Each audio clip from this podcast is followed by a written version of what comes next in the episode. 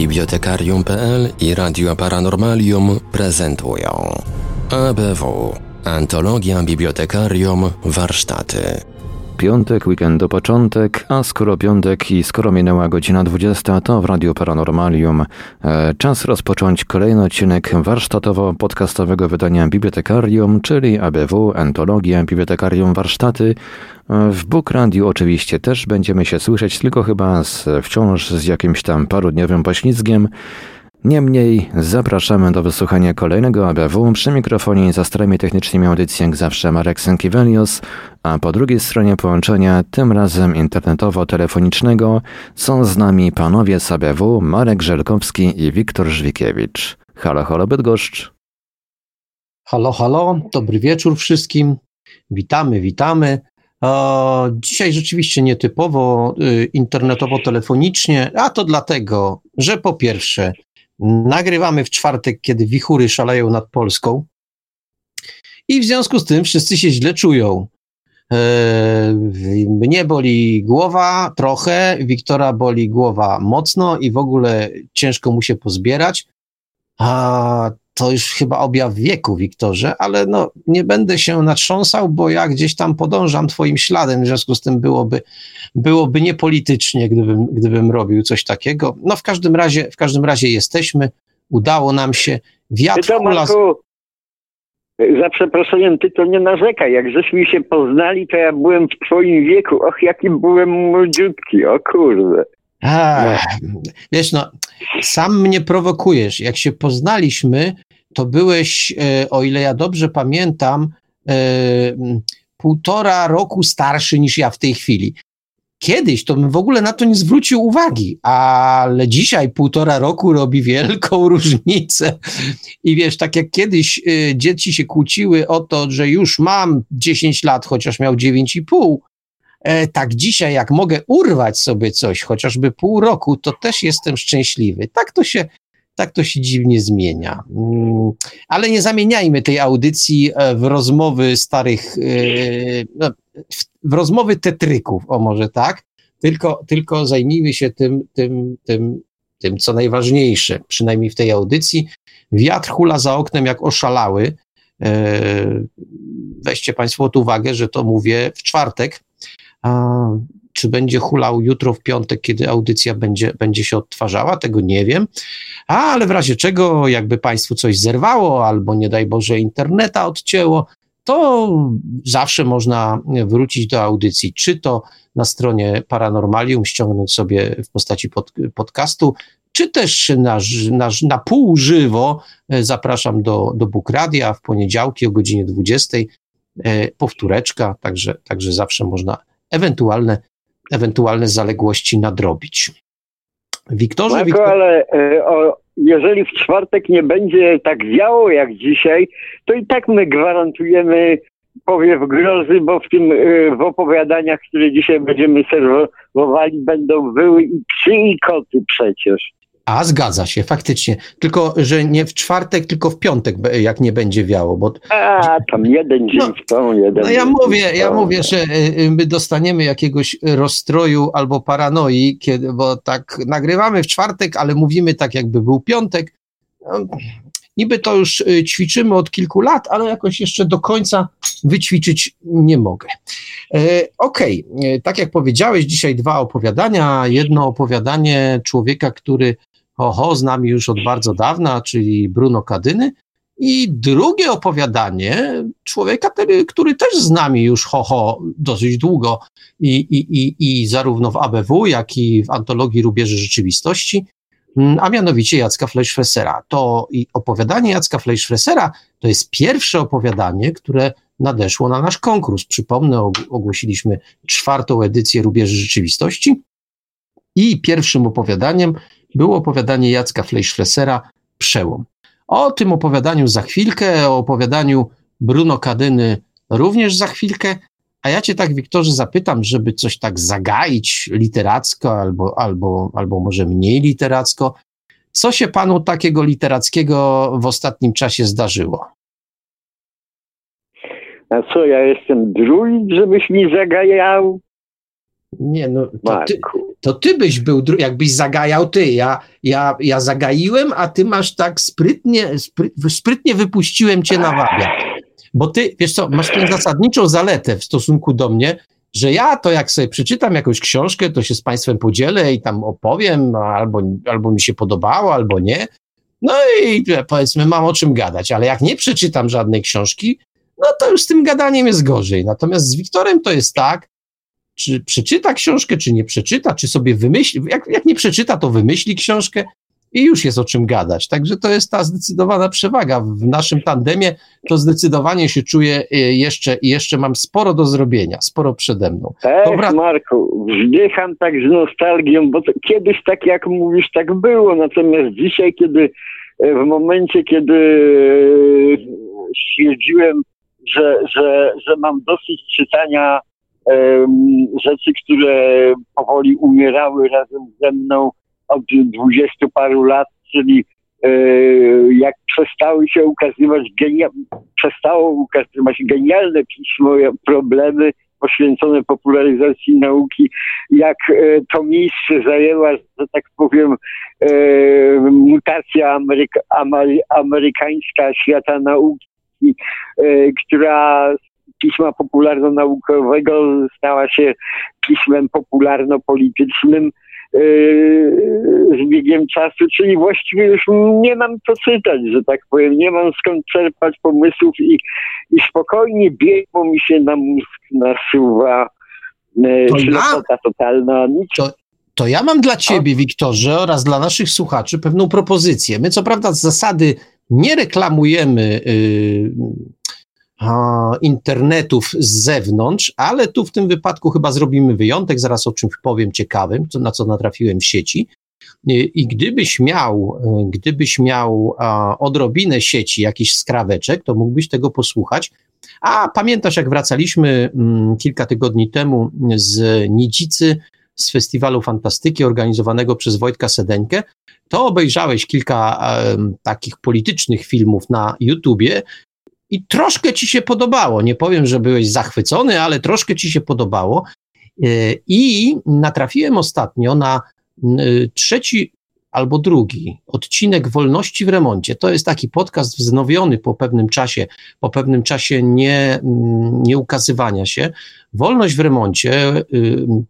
Tam występuje pan Wrublewski z Warsaw, Warsaw Enterprise Institute i w tym ostatnim odcinku Pan Wróblewski mówił o ocieplaniu się klimatu, a właściwie o tym, jak to bywa przedstawiane e, przez naukowców i dlaczego bywa tak przedstawiane przez naukowców. Proszę Państwa, jeśli e, w tak zwanym międzyczasie uwierzyliście, że e, wszystko to, co Wam mówią o ociepleniu, oziębieniu, zwilgotnieniu bądź wysuszeniu klimatu jest prawdą, bo to jest oparte na podstawach naukowych, to sięgnijcie Państwo do wolności w remoncie do Warsaw, Warsaw Enterprise Institute i tam przekonacie się, jak jesteśmy wszyscy, podkreślam, my wszyscy, robieni no, w coś tam, no, w trąbkę powiedzmy, e, przez e, naukowców. Zresztą inny publicysta w swoim czasie powiedział, że e, wszystkie złe rzeczy, które w ciągu 200 ostatnich lat się wydarzyły na świecie, one wszystkie praktycznie rzecz biorąc, e, były, miały podstawy naukowe. Rasizm, proszę Państwa, miał podstawy naukowe, wywodzono go z darwinizmu, mówiono o darwinizmie społecznym, no więc rasizm był e, jak najbardziej naukowy. Mm, później się przestano do tego przyznawać, no, co nie znaczy, że, że tak nie było na początku. E, Komunizm też... był naukowy. Tak, oczywiście. So, so, najpierw socjalizm, później inne. I to oczywiście wszystko było udowodnione i, i tak dalej, i tak dalej. Takich przykładów by się dało zresztą poja- y, y, ujawnić więcej. Więc ten fetysz nauki jako, jako takiego y, genialnego wytrychu, który nam otwiera drzwi, bo jak powiemy, że coś jest naukowe, to jest już ważne, a jak jest nienaukowe, to nieważne, no to pan Wrublewski znakomicie pokazuje, e, jak się żongluje, jak się sufluje i jak się żongluje e, nauką, jak się mm, opowiada ludziom bajki, a właściwie półprawdy, bo temu tak naprawdę najwięcej poświęca czasu, że ci naukowcy, którzy wyciągają daleko idące wnioski o ociepleniu się klimatu, e, oni właściwie rzadko kłamią. Rzadko kłamią. Tylko e, problem polega na tym, że rzadko też mówią całą prawdę. I na tym polega największy ból, bo oczywiście można powiedzieć, że w ostatnich, tu z pamięci, w związku z tym to nie jest dokładne, dokładne to, co powiem. Można powiedzieć, że w ciągu ostatnich 50 lat średnia temperatura na świecie rośnie. No można i się można wtedy zaniepokoić. Ale warto powiedzieć, że 100 lat temu na przykład temperatury również rosły. Właśnie właściwie kończyły rosnąć, bo później przez y, dobrych kilkadziesiąt lat spadały. Po to, żeby teraz znowu wzrosnąć i tak dalej, i tak dalej. To jest mniej więcej ten poziom manipulacji, któremu bywamy poddawani. Ja oczywiście w tej chwili wcale nie zamierzam Państwa przekonywać, że jest tak albo inaczej, albo że wiem, jak jest. Nie wiem. Być może rzeczywiście y, jest tak, że ten efekt cieplarniany postępuje, ale pan Wróblewski, jako ekonomista, jako człowiek, który się sprawami ekonomii zajmuje, mówił o innej jeszcze rzeczy, moim zdaniem bardzo ważnej.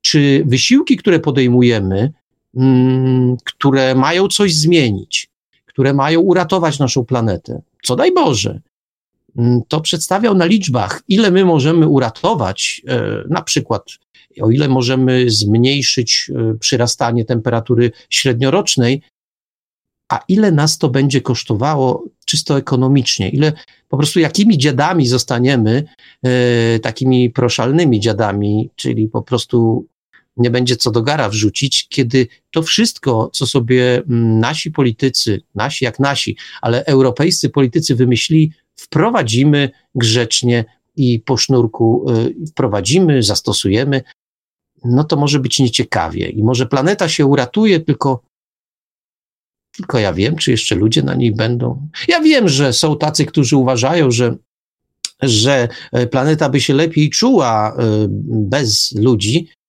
no tylko to już jest taki stopień antropomorfizacji, że zastanawiam się, czy e, światopogląd ludzi, którzy to głoszą, w ogóle to wytrzymuje.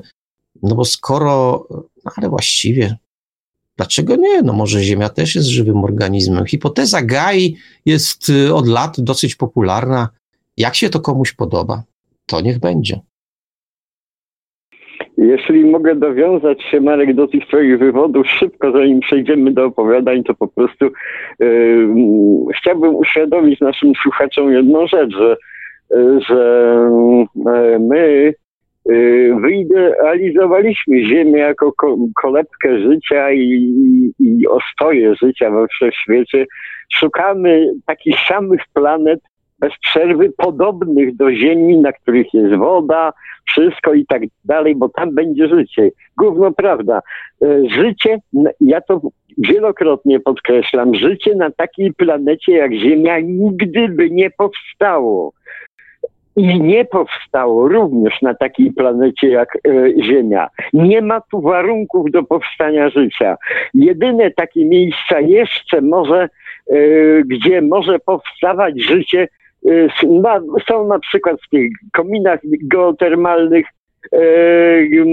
na dnie oceanów i tak dalej, gdzie się siarkowodór z gównem wodnym innym tam miesza i tak dalej to są warunki do powstania życia.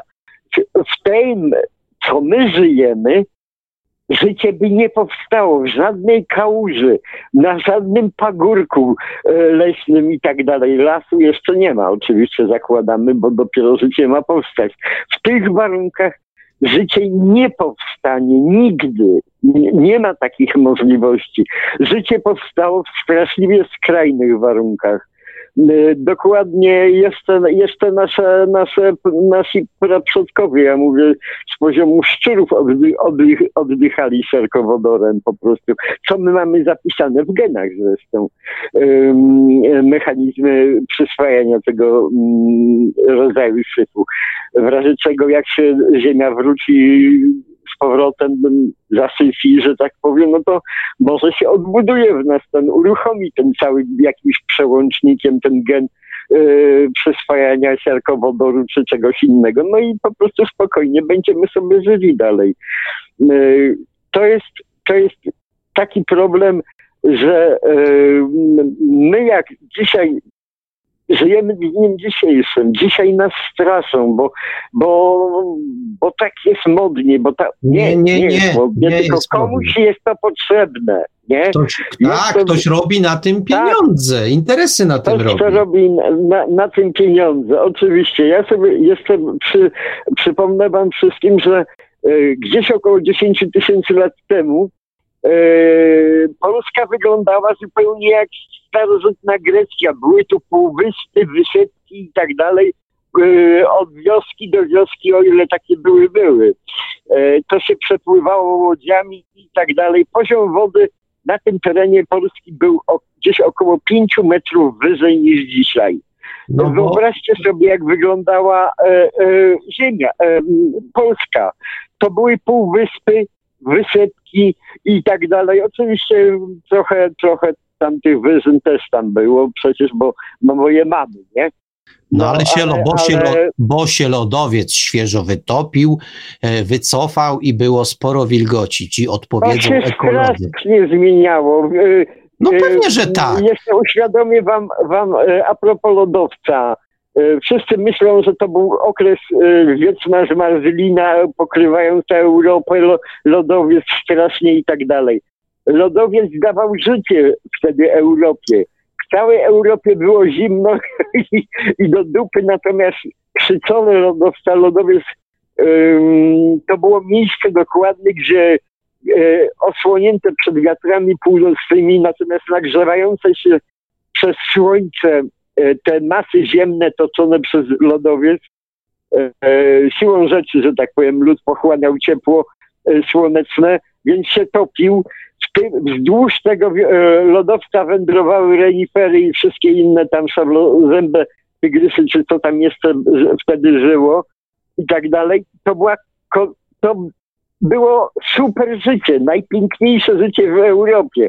Potem lodowiec odszedł, no i znowuż nas, że tak powiem, yy, wydmuchało, że tak powiem. No i, i wydmucha nas jeszcze, jak mówiłeś Marek o interesach, jak ja czytałem o tym, że Mm. że jakieś tam te południowe e, kraje, te tam e, na archipelagach, na Polinezji i tak dalej niedługo utoną, nie? I, i nie będzie. No więc e, szykuje, się, szykuje się cała polityka, że tak powiem, przesiedlenia tych, tych, tych no, ludności, bo o cywilizacji to trudno mówić, no, tą ludność, że tak powiem, przez, przesadzić gdzieś tam, nie wiem, do Chin, do Brazylii i tak dalej, tego, nie? Ciekawe, E, kto tą ziemię, jak ona się z powrotem wyłoni spod, spod wody, bo to może akurat ją tam na pół metra przykryć. Kto tą ziemię szybko zajmie, bo będzie przecież to nieużytek.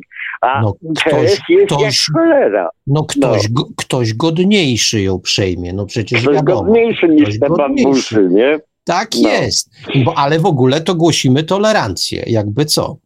E, tylko my po prostu wiemy lepiej, co z tą ziemią należy zrobić, niż tak ci miejscowi tam i tak dalej, i tak dalej. Proszę Państwa, na ten temat to moglibyśmy jeszcze dużo gadać, chociaż jak powiedziałeś, że zostaliśmy wydmuchani, to zastanawiałem się, czy wtedy, czy aby teraz. No nie wiedziałem, jaki czas zawsze, miałeś na myśli.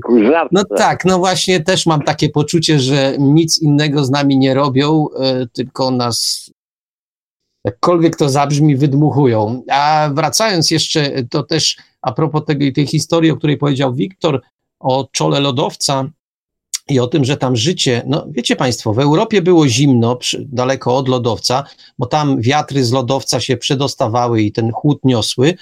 E, pod lodowcem, no to w ogóle do dupy, bo tam po prostu był lodowiec i nie.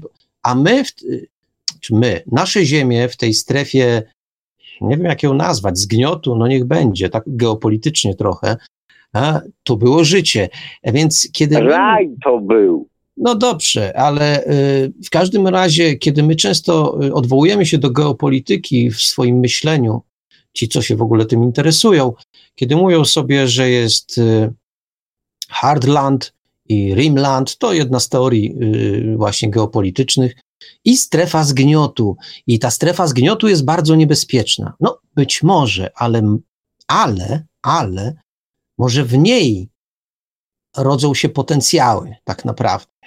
Dobra, tak jak powiedziałem, my byśmy tak Mam... mogli do północy, a to ma być audycja literacka, proszę pana.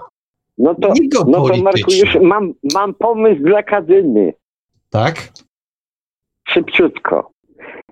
Opisuję kogoś z punktu widzenia, um, no że tak powiem, zaraz będzie. E, on ma mamusię i tatusia, a on to jest strefa zgniotu. Świetna historia jakiegoś dzieciaka, który ma poczucie, że jest strefą zgniotu. No, no dobrze. Psychologicznie by było. Proszę Państwa, zaczniemy od opowiadania Bruno Kadyny Mruczenie do glizdy. O, od razu powiem, że y, Bruno, przesyłając to opowiadanie, lojalnie podkreślił, że jest to jedno z jego starszych opowiadań, które gdzieś tam sobie poleżało, trochę przerobione, ale i tak to znowu cytat, nie jest z niego zadowolony. No to posłuchajcie Państwo. Bruno Kadyna, Mroczenie do glisty. Rozmemłany, zadłużony i w kłopotach. Już się z tego nie wykaraskam.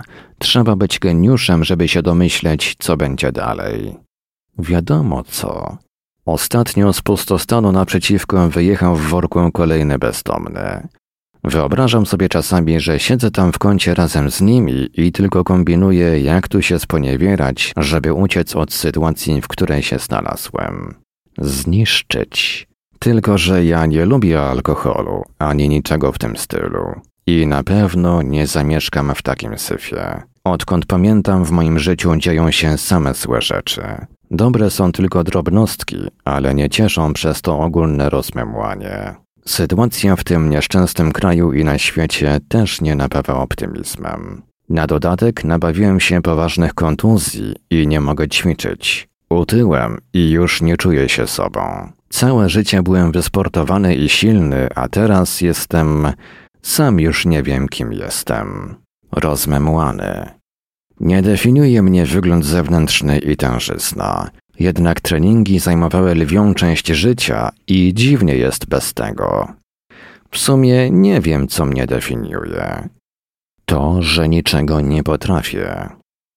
Jedyne, na co mam ochotę, to umrzeć. Może to depresja? Nie wiem, nie znam się. Zaczęło się jeszcze przed odejściem maszyny. Potem rozmemłanie przybrało na sile. Nie wiem dlaczego. Nie, żebym jakoś strasznie przeżył rozwód. Nasze drogi dawno się rozeszły. Tyle złego się zebrało, że w końcu przestaliśmy się kochać. Żyliśmy obok siebie przez kilka ostatnich lat. Wiem, jak doszło do martwicy naszego małżeństwa. Mam niewyparzoną gębę i w kłótniach mówiłem przykre rzeczy, co tam sobie wymyśliłem, co mi się wydawało. Nieważne. Ona cierpiała na chroniczne przypisywanie mi złych pobudek. Byłem dla niej psychicznym ciężarem, którego nie mogła znieść. Nasze pokaleczone osobowości, skontunione tak bardzo, że niemożliwe do rozplątania, co dopiero utkania czegoś wspólnie, sprawiły, że zdechło nasze uczucie i związek stał się nie do uratowania. Myślenie o tym, jak bardzo to zapętliliśmy, przyprawia mnie o ból głowy. Zawsze mi się wydawało, że wspólne życie jest proste.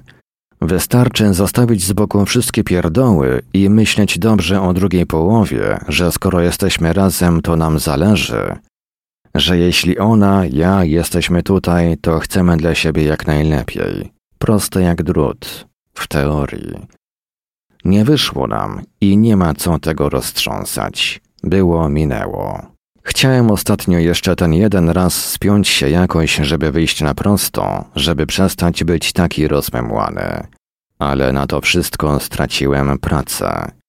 Nie mogę zwolić winy na pracodawcę czy kogoś innego. Zawsze spieprzę, nawet gdy staram się w pocie czoła.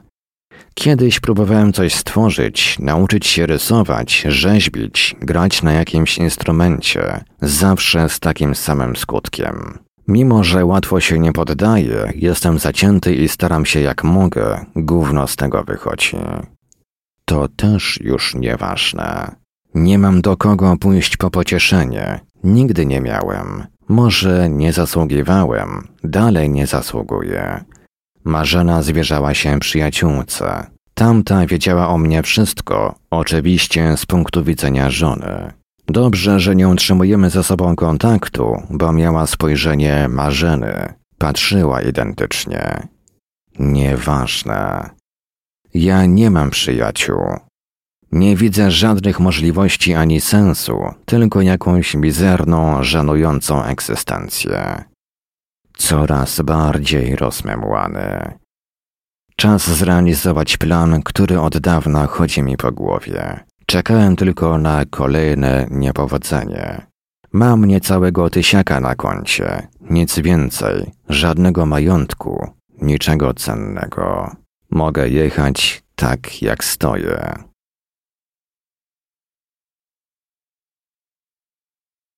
Drogę na dworzec kolejowy umilam sobie przerwą na wykwintny posiłek w restauracji. Nigdy nie mogłem sobie na taki pozwolić, z pysznym deserem i kawą. Po takim jedzonku można umierać. Puszczam oczko do kelnera, płacąc rachunek. Dziękuję, bardzo nam miło, przekażę kucharzowi. Ciekawe, czy pieniądze i wystawne życie nadałyby mu sens, czy tylko odwlekłbym nieuniknione, albo czuł się jeszcze gorzej. Bilet na drugi koniec Polski wsuwam do kieszeni. Zawsze lubiłem jeździć pociągiem i pierwszy raz pojadę pierwszą klasą. Pieniędzy wystarczy mi tylko na szpadel. Powinienem dostać go w jakimś sklepie spożywczo-przemysłowym. Nie brakuje ich na wsiach.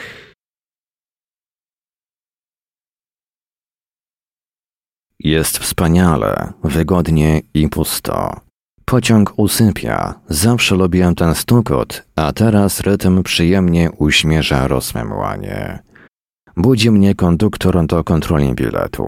Wyciągam telefon, żeby zobaczyć jak długo spałem, ale się rozładował. Ląduję w śmietniku, nie będzie mi już potrzebny.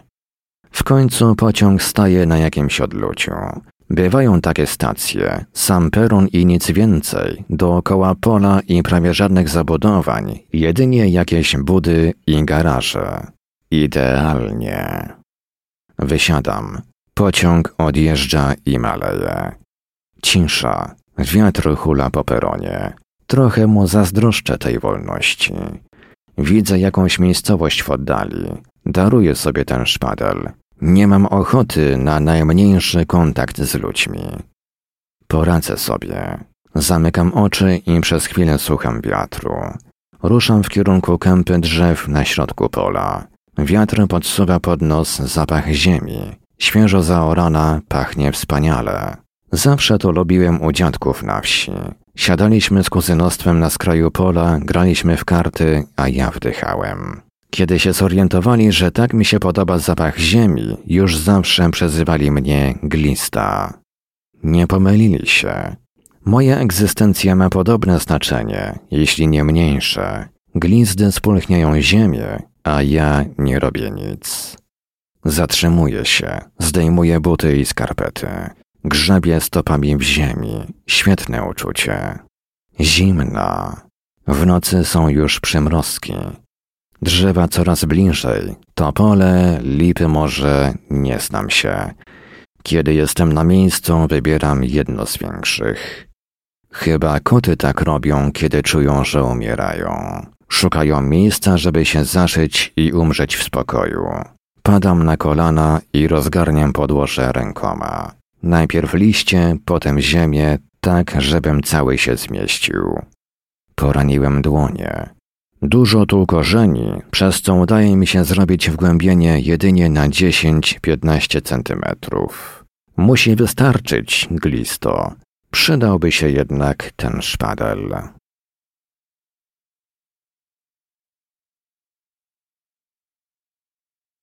Dziwne, ale uczucie rozmemłania zniknęło. Mam cel, może to dlatego. Kurtka i bluza lądują za mną. Kładę się w dole. Otacza mnie przyjemny, intensywny zapach ziemi i opadłych liści, trochę orzechowa woni. Drzewa górują nade mną, kołyszą się nieśpiesznie. Resztka liści trzymająca się gałęzi powiewa bezszelestnie. Czasami odezwie się jakiś ptak. Zamykam oczy. Myślę o swoim życiu i robi mi się niesamowicie smutno. Śpi. Liczę na hipotermię, śmierć we śnie. Śpi. Taka śmierć wymaga najmniej odwagi. Jesień załatwi sprawę. Przekręcam się na bok, jak w łóżku. Stopy skostniały, chłód przenika w głąb ciała. Telepie mną jak nigdy. Kiedy drgawki ustępują, pojawia się ból. Wytrzymam. Całe moje życie boli. Mijają wieki. W końcu ból odpuszcza i ogarnia mnie senność. Nie czuję kończyn. Jestem bryłą. Mogę jeszcze uchylić powieki. Widzę brzeg swojego grobu i opadłe liście. Mi, mi. Miało być śpi, śpi, ale usta nie współpracują. Nie muszą. I tak nigdy nie wypowiedziały nic ważnego. Odpływam i wybudzam się na przemian. Mam wrażenie, że jestem w łóżku. To złucenie. Już mi dobrze. Teraz będę spał. Wydaje mi się, że ktoś mnie dotknął. To chyba też złudzenie. Słyszę jakieś szelesty, ale mam to gdzieś. Chcę spać. Nie śpię. Dlaczego? Powinienem przecież.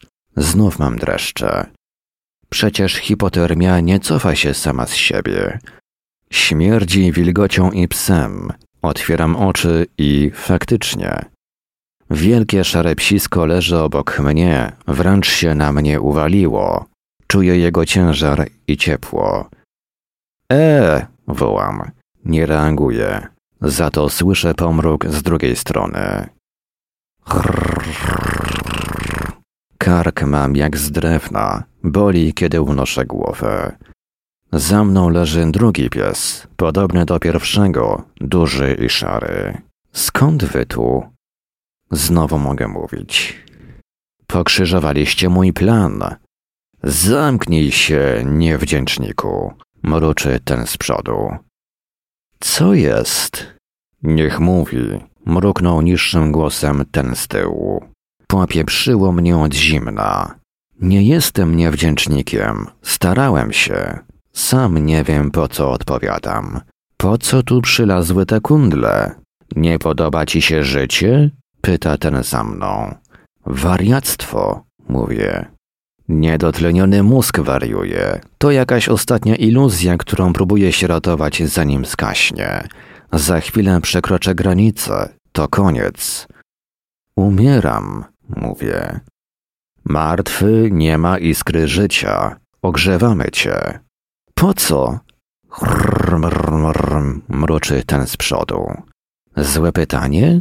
Głupi jesteś i tyle. Psy gadające ludzkim głosem. Co za głupota! W powieściach Jonathana Carola pełno jest gadających psów. Za dużo się naczytałem. Mówię, co mi szkodzi? Psy milczą. Może jestem głupi, znów się odsywam. Inaczej może coś by się udało. Możesz pomagać biedniejszym od nas, jak nasza pani w naszym domu. Zwierzęta kochają ludzi. Będziesz szczęśliwy. Sobie nie mogłem pomóc, a co dopiero innym? Wiele nie trzeba, mruknął ten z tyłu. Zobaczysz. Psy mądrale. To ich pomrukiwanie tylko budzi żal. Chcę spać, mówię. Ale nie mogę. Ciepło psów robi swoje, a chłód od ziemi przeprawia tylko ból. Może najwyżej wywołać chorobę. Wstaję, żeby pogonić kundle. Wszystko mnie boli i kręci mi się w głowie. Sio stąd! Siedzą i patrzą na mnie, jakby czekały na żarcie. Zostawcie mnie w spokoju. Pokazuję kierunek, w którym mają spieprzać. Gapią się tylko. Nic wam nie dam. Nic nie mam. Wyglądają na zadbane. W długiej sierści widzę obroże. Nic nie mówią. Wiedziałem, że mnie popieprzyło. Rysiu, Żbiku, słyszę za sobą. Odwracam się. Kobieta. Psy ruszają ku niej. Chyba nie śpię, bo robi mi się niesamowicie głupio, jakbym został nakryty na czymś wstydliwym. To wstyd się zabić? Patrzymy na siebie. Mam nadzieję, że ta pani odwróci się i odejdzie. Ale co jeśli powie komuś, im przyjdą mnie odratować? Dzień dobry, mówię. Pani też na grzyby? Nie odpowiada. Patrzy na moje bose stopy. Podchodzi do mnie. Ale mi wstyd. Dobrze wie, co tutaj robię. Widziała pewnie, jak leżałem. Nie ma sensu pajacować. Zresztą, co mnie obchodzi jej stanie? Prostuję się, zobaczę, czego chce. Ma prawie czarne włosy i bardzo kobiece kształty. Ciemne oczy jakby się śmiały. Nie ze mnie, po prostu mają taką oprawę. Wargi pełne, bardzo duże. Stoi bardzo blisko, ładnie pachnie. Jest piękna. Pomożesz mi? Odzywa się. Dziwne pytanie. Nie spodziewałem się. W czym? Myślę o grzybach, albo czy to wariatka wali do obcego na ty, w ratowaniu twojej duszy. Nie wiem, czy to przez jej głos, słowa, urodę, czy dlatego, że za chwilę mam umrzeć, ale jakby uszło ze mnie powietrze. Nie czuję żadnego rozmemłania. Mówię do niej tak, jak zawsze chciałem do żony, jak do przyjaciela, bez obaw. Mojej duszy nie da się uratować. Pozwolisz mi spróbować? Nie wiem, co powiedzieć. Nikt oprócz mnie nie próbował. Dlaczego ona chce? Jak? Pytam. Nic innego nie przychodzi mi do głowy. Może jeszcze pytanie, po co? Spróbuję dać ci cel i potrzebuję pomocy w schronisku. Pomożesz mi ze zwierzętami? Wiele nie trzeba. Pokochają cię. Patrzę na psy, a one na mnie. Jeden mruknął.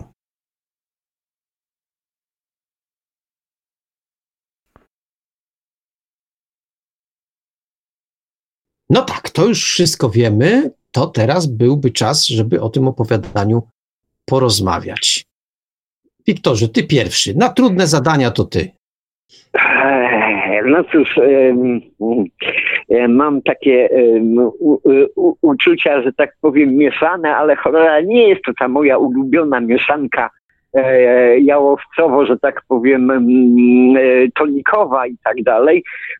Natomiast e, hmm, projekt jest projekt. Ja mam, miałbym prośbę do Bruna żeby tego projektu nie porzucał z Kretesem, ale żeby nad nim trochę popracował. Nad wszystkimi projektami trzeba pracować, czasami długo i namiętnie, żeby je zrealizować do końca, że tak powiem.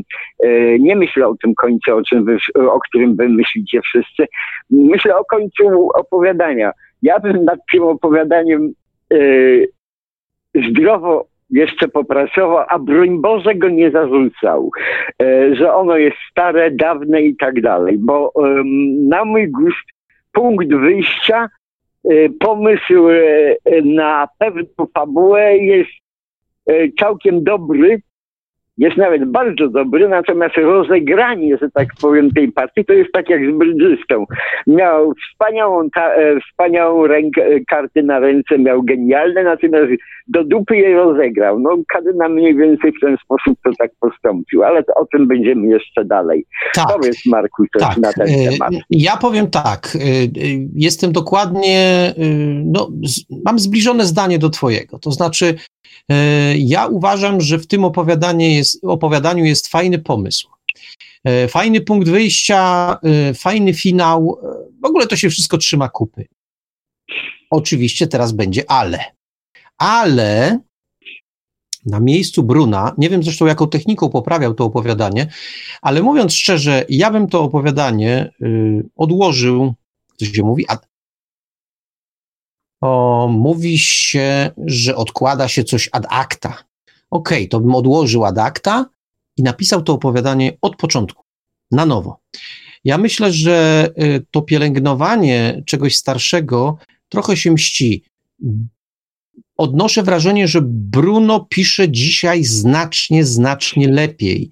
A próbując podążać śladem siebie sprzed kilku lat, nie wiem kiedy to opowiadanie powstało, jak dawno, ale próbując y, poprawiać siebie sprzed kilku lat, no to jest tak, że jak próbujemy coś takiego robić, to mamy sentyment, a do tego zdania, do tamtego, a jak to ładnie napisałem, a ojej, i się tak rozpływamy troszeczkę nad tym opowiadaniem. W rezultacie kończymy i mówimy, kurczę, poprawiłem, ale dalej nie jestem zadowolony.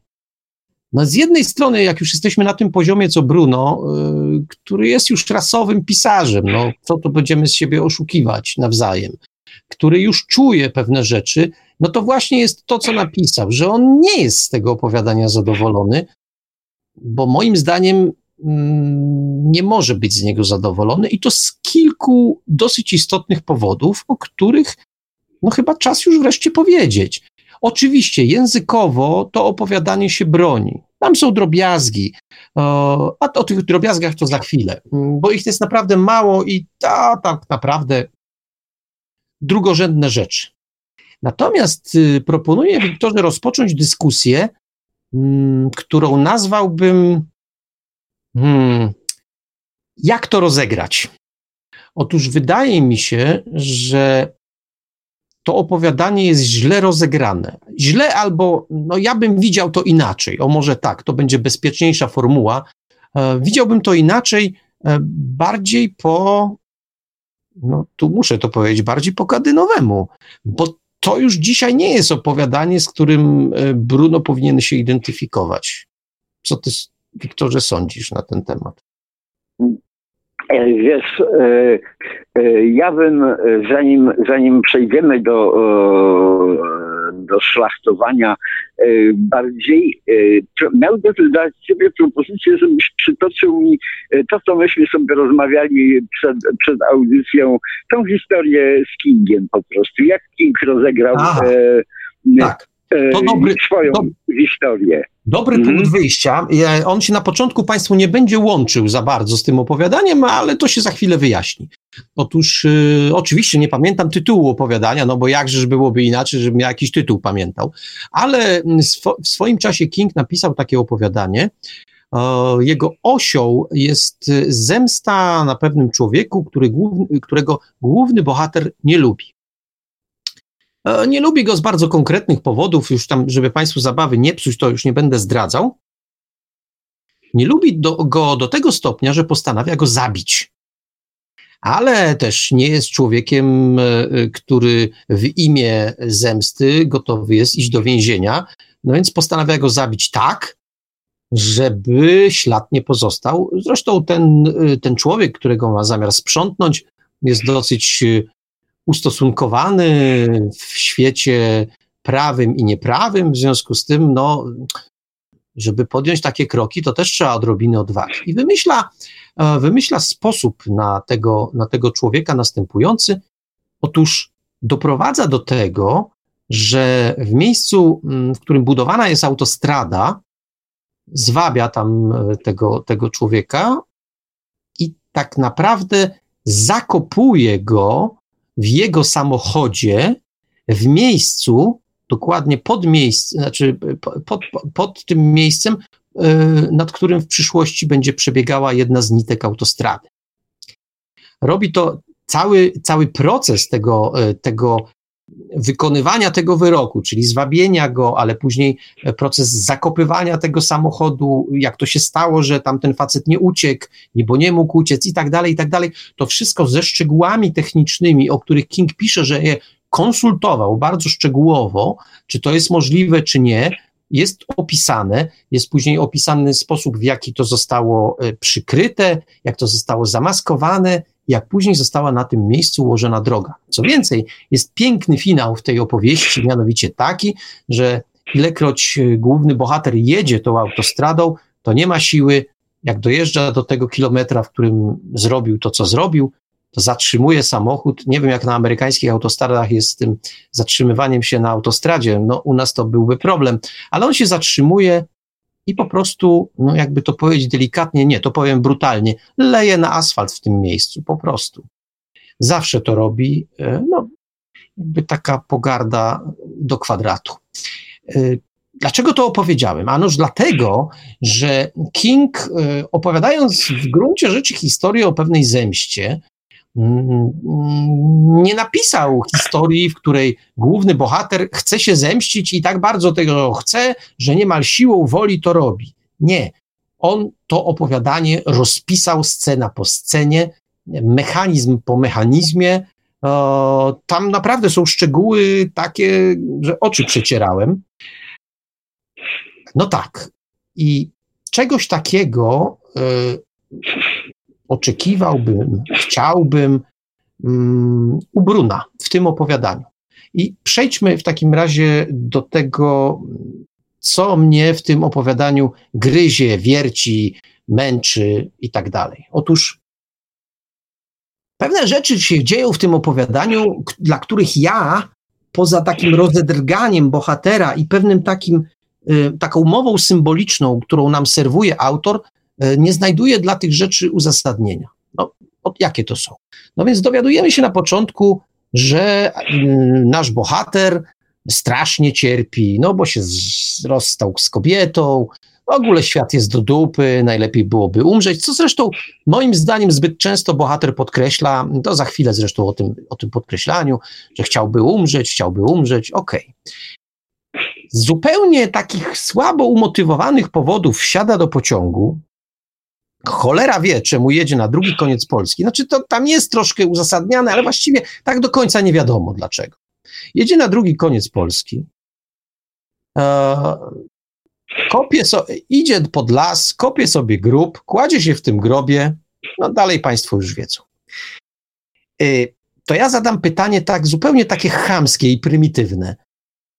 Gdyby ten facet wymyślił, właściwie to będzie najpierw y, komentarz, a później pytanie. Gdyby ten facet wymyślił sposób, jak sobie wykopać grób, a potem się w nim zasypać, żeby nikt y, o tym nie wiedział, to ja bym jeszcze to opowiadanie kupił, zrozumiał i pochwalił. Natomiast jak facet kopie, kopie sobie grób, kładzie się w nim, no i co? Na co kuźwa czeka? Na co? Na to, że umrze z wyziębienia. Okej, okay, przyjmuję. Tylko po co kopał ten grób? Jakby się położył na ziemi, to też by umarł z wyziębienia, jakby odpowiednio długo poleżał w określonym miejscu. Czyli cały, cały ten wysiłek symboliczny kopania sobie grobu, no bo to w takich kategoriach można odczytać, że bohater opowiadania jest tak, tak wbity w symbole, że kopie sobie grób. Ja tu widzę no, jeszcze jeden powód y, kopania grobu. Jak, jak się tak troszkę zakopie, to go z daleka będzie mniej widać. No tak, tylko że on, y, jak on y, sobie leży w tym otwartym grobie, to wcześniej czy później ktoś go znajdzie. I liczenie na to, że go zasypie na przykład, no to jest mrzonka. Zaraz przyjedzie policja, wydobędą go z tego płytkiego grobu, zabiorą, zrobią sekcję i tak dalej, i tak dalej. W związku z tym to, to kopanie grobu w warstwie symbolicznej, ono oczywiście jest zrozumiałe. Ja, okej. Okay. Ale przecież to opowiadanie jednak jest y, dosyć realistyczne. W związku z tym wpakowanie takiego elementu, nazwijmy go symbolicznego, no troszkę mi się gryzie. To jakby Bruno wykombinował sposób, y, w jaki ten facet zni chce zniknąć ze świata, a jeszcze, a co by nie przekreślało końcówki z psami, ty, Wiktor, miałeś dobry pomysł na coś takiego. To a propos tej autostrady, o której mówiłem na początku. Mów zatem. Yy, przypomnę wam wszystkim, że kiedyś, dawno, dawno, dawno, dawno temu, dawny, dawny, dawny Julian napisał opowiadanie o tym, jak facet poszedł w góry po to, żeby się wyziębić i popełnić samobójstwo, ale mu jakiś tam taternik czy alpinista nie, nie że tak powiem, przeszkodził w tym procederze. Śmierć z wyziębienia jest bardzo możliwa, szczególnie jak się ma taki charakter na przykład jak geniusz literacki japoński Ryunosuke Akutagawa, który przypomnę popełnił samobójstwo w ten sposób, że wyszedł z domu, położył się na chodniku twarzą włożył twarz w rynsztoku i utopił się w pięciu centymetrach wody. To trzeba mieć japońską siłę woli po prostu, na pewno. I, natomiast tak to mm, zawsze działają jakieś głupie, zwierzęce odruchy, samozachowawce, że, że, że tak powiem, no ale to jest inna, inna bajka zupełnie. Ale ja, ja bym... jeszcze Wiktor ci przerwę, ale ja uwierzyłbym, że on jakby się bardzo zdeterminował, to by się w tym grobie wyziębił na śmierć. Tylko po co ten grób? Dobrze, tylko po co? E, otóż ja bym e, tak, e, ja sobie tak zrobiłem taką krótką lekcję, bo nie miałem czasu w ogóle na ten pomysł. Zastanowiłem się, jak, jakbym ja spróbował ugryźć ten cały problem. Oczywiście Marek mi szybciutko pomógł tym skojarzeniem ze Stephenem Kingiem i, i jak ma, mam wrażenie, że Bruno mógłby spokojnie e, zasięgnąć, że tak powiem, czerpać rękami z pomysłu i e, Stephena Kinga i mojego akurat, który za chwilę wyłożę e, i zrobić z tego genialne opowiadanie, bo ja ani ja tego nie zrobię, ani King tego nie zrobi, bo, bo nie da rady, nie? To są nasze realia. Otóż ja po pierwsze od samego początku miałem takie uwagi. Pójdę po kolei na początku zaczynają się egzystencjalne rozważania tego faceta i one tak lecą przez półtorej strony czy coś takiego. To jest błąd. Yy, powinna się toczyć akcja.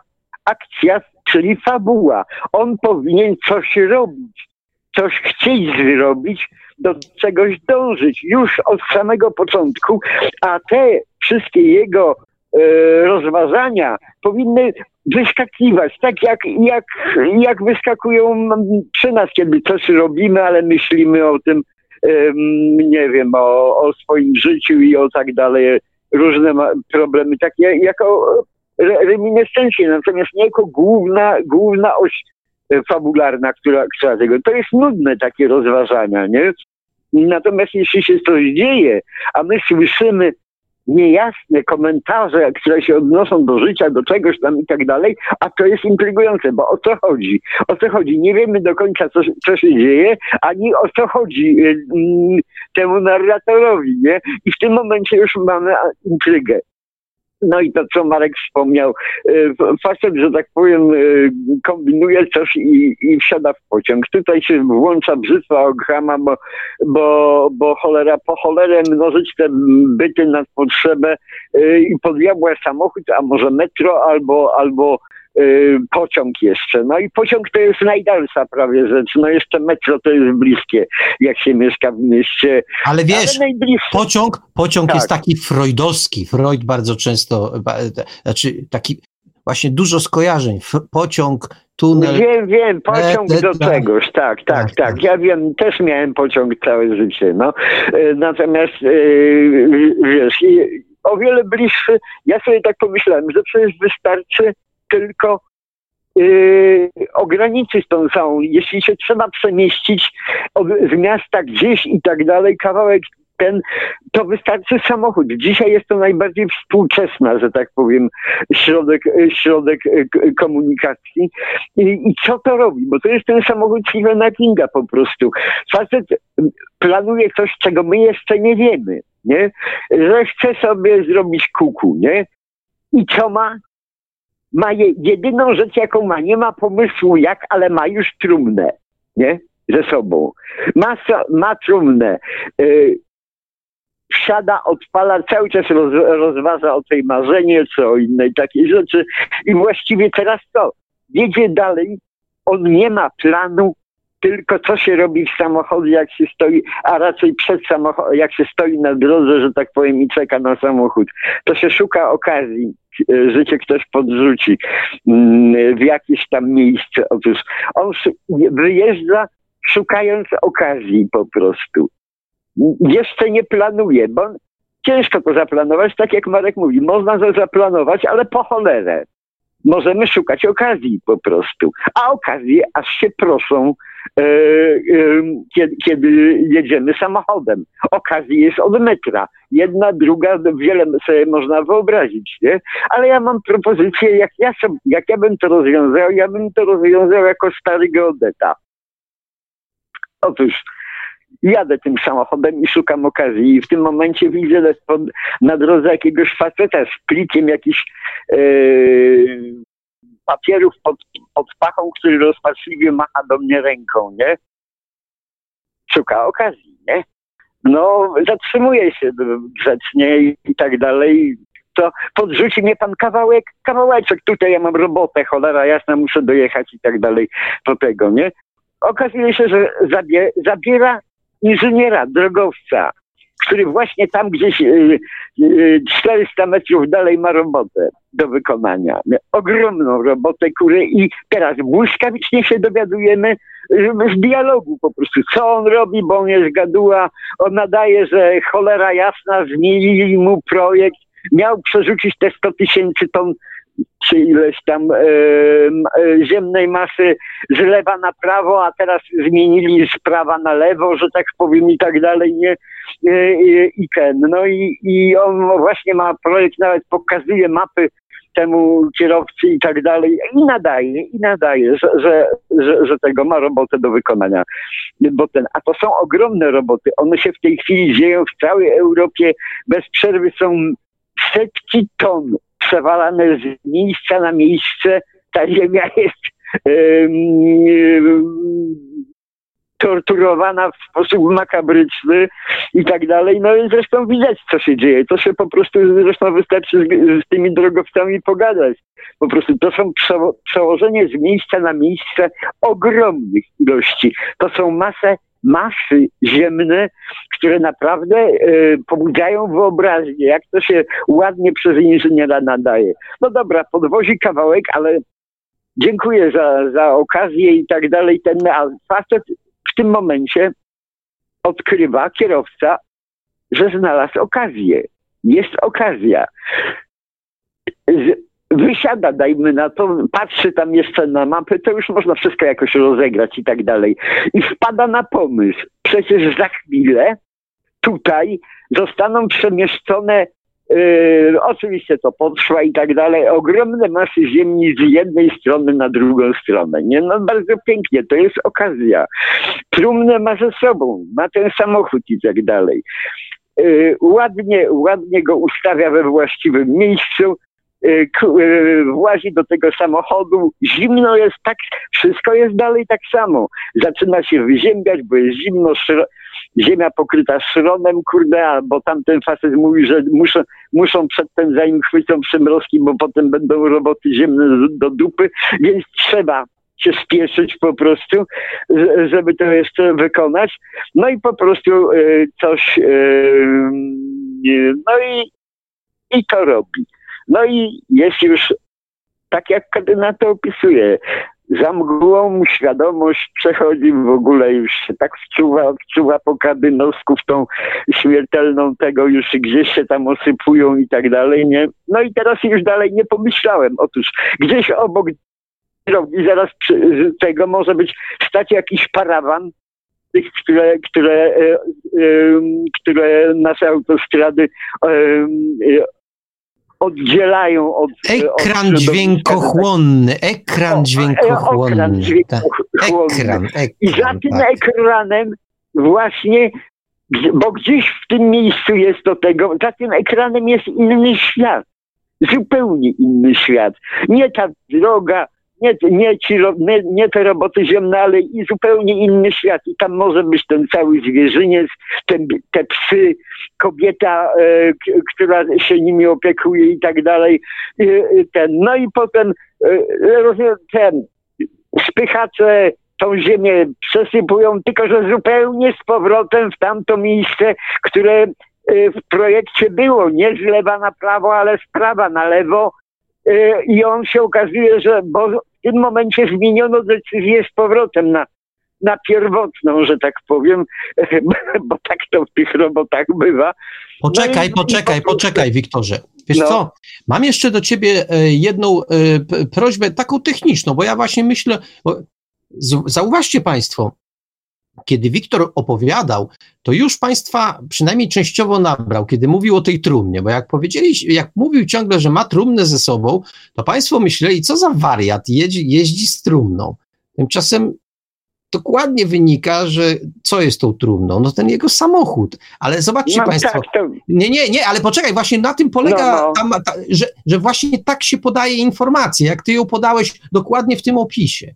Ja jeszcze jedną rzecz mam do, do ciebie, bo nawet znalazłem sposób, bo w dalszym ciągu ty nie zdradziłeś takiej, takiego numeru, no jak on no nie zamaskował tego samochodu, a przecież nikt by, nikt by tego e, tak nie, nie zasypał to on by mógł się z tym inżynierem umówić, że ma taki starego grata, nie chce płacić za jego na, na przykład rozbiórkę albo tam powiedzmy, y, tam jak to się mówi, złomowanie.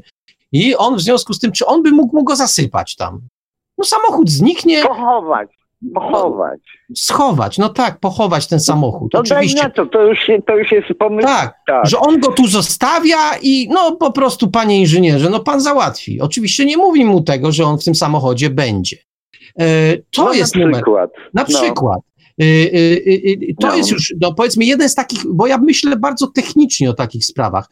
Tak samo jak mhm. Ivelios. Zauważ, bo uwaga Iveliosa, którą zgłosił, była bardzo też na miejscu i cenna, bo okazuje się, że Bruno też myślał bardzo praktycznie, bo to, co Ivelios mówił, co nam nie pasowało do tej narracji, a teraz to widać wyraźnie, rzeczywiście jedynym powodem wykopania tego grobu w opowiadaniu Kadyny było to, żeby go z daleka nie dostrzeżono. Bo rzeczywiście, to wtedy sens jest. Ale przecież mógł to, jakby to zrobił w nocy, to do rana by się wyziębił i tak by go nikt nie zauważył. Więc taki techniczny sens kopania grobu, żeby go nie dostrzegli, był. Ale w nocy na przykład zupełnie nie, nie ma takiej potrzeby. Więc to jest, to są te sprawy, to są te sprawy, które, które, znaczy my byśmy to opowiadanie urealnili, Zrobili go bardziej techniczno-realnym, co wcale by mu nie odbierało pewnej symboliki, bo to, co Wiktor powiedział o, tej, o tym ekranie dźwiękochłonnym, za którym jest schronisko dla zwierząt, dalej te psy by się mogły pojawić i tak dalej, i tak dalej. Jakby konstrukcja, w sensie, mm, nie konstrukcja, układ fabuły byłby mniej więcej podobny. Tak, ale, mniej więcej to samo, ale tak, tak. Ale jednak bardzo realistyczny. No bo powiedzmy sobie szczerze, we współczesnych czasach takie pójście w tak daleko idące symboliki różnych, er, chyba w takim opowiadaniu się nie sprawdza. Ono by się mogło sprawdzić w zupełnie innym opowiadaniu, innego rodzaju, ale tu chyba nie gra i to, to mnie chyba gryzło w tym opowiadaniu najbardziej. Wiktorze, teraz ty. No, właściwie to już powiedziałem wszystko, bo okay. zresztą można dalej wymyślić, po prostu pojechać, pojechać tą drogą, którą, że tak powiem, nam King oraz ja wskazał. Tak, no, czy my, zachęca, my no. zachęcamy w każdym bądź razie y, Bruna, żeby naprawdę porzucił to opowiadanie w sensie e, tego egzemplarza ale siadł na nim, na, e, na, nad tym opowiadaniem. Być, ono, być może ono się nie będzie nazywało Mruczenie do glizdy, ale żeby z, zrobił, może zupełnie olać to, co mówiliśmy, ale żeby przemyślał, bo to jest, w tym opowiadaniu jest potencjał, jest y, myśl, y, którą warto złapać. Ale... Wiesz, to jest tak jak, jak, z projektami naukowymi. Oczywiście mamy, y, mamy jakąś technologię i chcemy z tej technologii y, coś wykrzesać. No i co jest potrzebne? Patent jest potrzebny. Musimy y, znaleźć rzecz jasną, prostą, taką, którą biuro patentowe opatentuje. A biurem, biur, y, biurem patentowym to są czytelnicy przecież w wypadku literatury po prostu. To musi być fajny, prosty, jasny patent i taki wiarygodny. Wiarygodny, że tak powiem, oczywiście szalony, szalony nie? Ale wiarygodny właśnie od tej strony, co Marek mówi, technicznej, nie? Wykonania tego, zaplanowania, zrealizowania i tak dalej. Y, I, y, i dopiero no, a już tam na, sama końcówka może być naprawdę jak nirwana prawie. Ta dziewczyna z tego schroniska i te psy w jakiś sposób wmontowane bo wlazły przez drzwiczki, które, że tak powiem, się otworzyły, albo on próbował, ale już nie mógł wyleźć, kurde. No i one tam wlazły, żeby się ogrzać przecież. Po cholerę by miały włazić do grobu. Skoro było zimno, to psy mogły się ogrzać przy nim, przy okazji jego grzejąc, nie? I tak dalej, i tak dalej, i tak dalej, no. No. Okej. Okay. E, to jeszcze kilka krótkich uwag odnośnie samego tekstu, y, który Państwo usłyszeli. Mm, na początku, na początku mamy takie krót, krótkie, a właściwie pojedyncze słowa, e, które rzuca bohater. Wiadomo co, ro, rozmemłany i tak dalej. I drugie z nich, zniszczyć, słabo pasuje po prostu, bo tu jest takie, taka fraza, wyobrażam sobie czasami, że siedzę tam w kącie razem z nimi i tylko kombinuję, jak tu się sponiewierać, żeby uciec od sytuacji, w której się znalazłem. Mówi o tych bezdomnych. I tu pada słowo zniszczyć. E, jakby człowiek dobrze kombinował, ale ja nie wiem, czy, czy, czy w tym miejscu trzeba akurat kombinować. Ono słabo pasuje, słabo pasuje w tym miejscu akurat, ale rzecz do przemyślenia po prostu. Natomiast już na drugiej stronie, mniej więcej w połowie mamy taki oto, y, taki oto fragmencik, który pozwolę sobie zacytować. Marzena zwierzała się przyjaciółce. Tamta wiedziała o mnie wszystko, oczywiście z punktu widzenia żony. Dobrze, że nie utrzymujemy ze sobą kontaktu, bo miała spojrzenie Marzeny. Patrzyła identycznie. No, to uruchamiam wyobraźnię. Więc y, no to dobrze czy niedobrze? No, autor pisze, że dobrze, ale no, dobrze, że nie utrzymujemy ze sobą kontaktu, a właściwie dlaczego? Bo co? Bo by przerzucił się na koleżankę? No to może właśnie niedobrze, że nie utrzymują. Znaczy, tu bym się po prostu zastanowił nad tym, co autor chciał nam przekazać. Bo może dobrze, że nie utrzymujemy kontaktu, bo miała spojrzenie identyczne, to może on już miał tak dosyć tej marzeny, że już nie chciał takiego drugiego spojrzenia. E, powiem tak, idea umieszczenia tego zdania jest dosyć niejasna, przynajmniej dla mnie. Nie wiem, czemu ono służy i jaką taką logiczną funkcję pełni w tym, w tym wywodzie. No to tak. No, może Bruno dojdzie do wniosku, że, że nie mam racji, ale ja bym się temu zdaniu po prostu przyjrzał. Ono pod względem oczywiście poprawna, poprawności trudno mu cokolwiek zarzucić, natomiast no, funkcja jego jest dla mnie, tak jak powiedziałem, niejasna. Y, na drugiej stronie też podkreśliłem słowo umierać, no bo ten bohater ciągle chce umierać. Ja rozumiem, że Bruno podprowadzał e, pod to, co się działo później, ale to chyba zbyt tak e, narympał to robił troszeczkę. E, strona trzecia, czytamy, jest wspaniale, wygodnie i pusto. Pociąg usypia, zawsze lubiłem ten stukot, a teraz rytm przyjemnie uśmierza, uśmierza rozmemłanie. Powiem tak. E, nie wiem, jak Bruno często jeździsz pociągami na jakich e, trasach, ale mm, to, czego mi brakuje e, w tej chwili w pociągach, to, że owszem, ten stuk pociągu jest, bo pociąg jak jedzie, to w ogóle stuka, ale tego charakterystycznego stuku na łączeniu torów właściwie już nie ma. Dlaczego? No dlatego, że y, y, wypromowano w Polsce i powymieniano i właściwie na większości tras są szyny bezstykowe. One tak fajnie nie stukają. Stukają w inny sposób po prostu. Nie ma tego tyk, tyk, tyk, tyk. E, pociąg w ogóle, tak jak powiedziałem, stu, lubi stukać, lubi w nim trzeszczeć i pukać i, i tak dalej. Jest pewien charakterystyczny dźwięk, z wnętrza pociągu, no ale w takim razie trzeba by się e, nad tym, e, nad tym troszeczkę pochylić z punktu widzenia autora, jeśli już ten pociąg miałby być, ale ponieważ my z Wiktorem postulujemy zlikwidowanie pociągu, więc, więc może nie potrzeba. W każdym razie y, podkreśliłem sobie to zdanie dlatego, żeby żeby zwrócić uwagę, jak czasami ważny jest szczegół, bo ja też pamiętam będąc młodym dzie dziecięciem, dziecięcie może być stare, no nie, proszę Państwa, to kolejny błąd, więc będąc dziecięciem, e, też podróżowałem dużo po Polsce i ten stuk był hipnotyzujący, to tyk, tyk, tyk, tyk. Dzisiaj go praktycznie na, na tych głównych liniach nie ma, więc no cóż, warto o tym pomyśleć.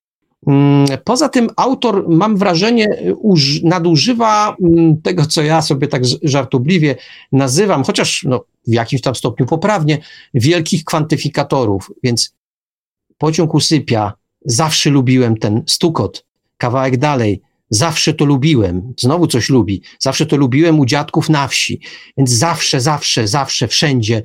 Mm, ja wiem, że czasami tak myślimy wszystko wiem. Jakby Bruno jest tu pod tym względem dla mnie mistrzem takiego wchodzenia w język wewnętrzny człowieka.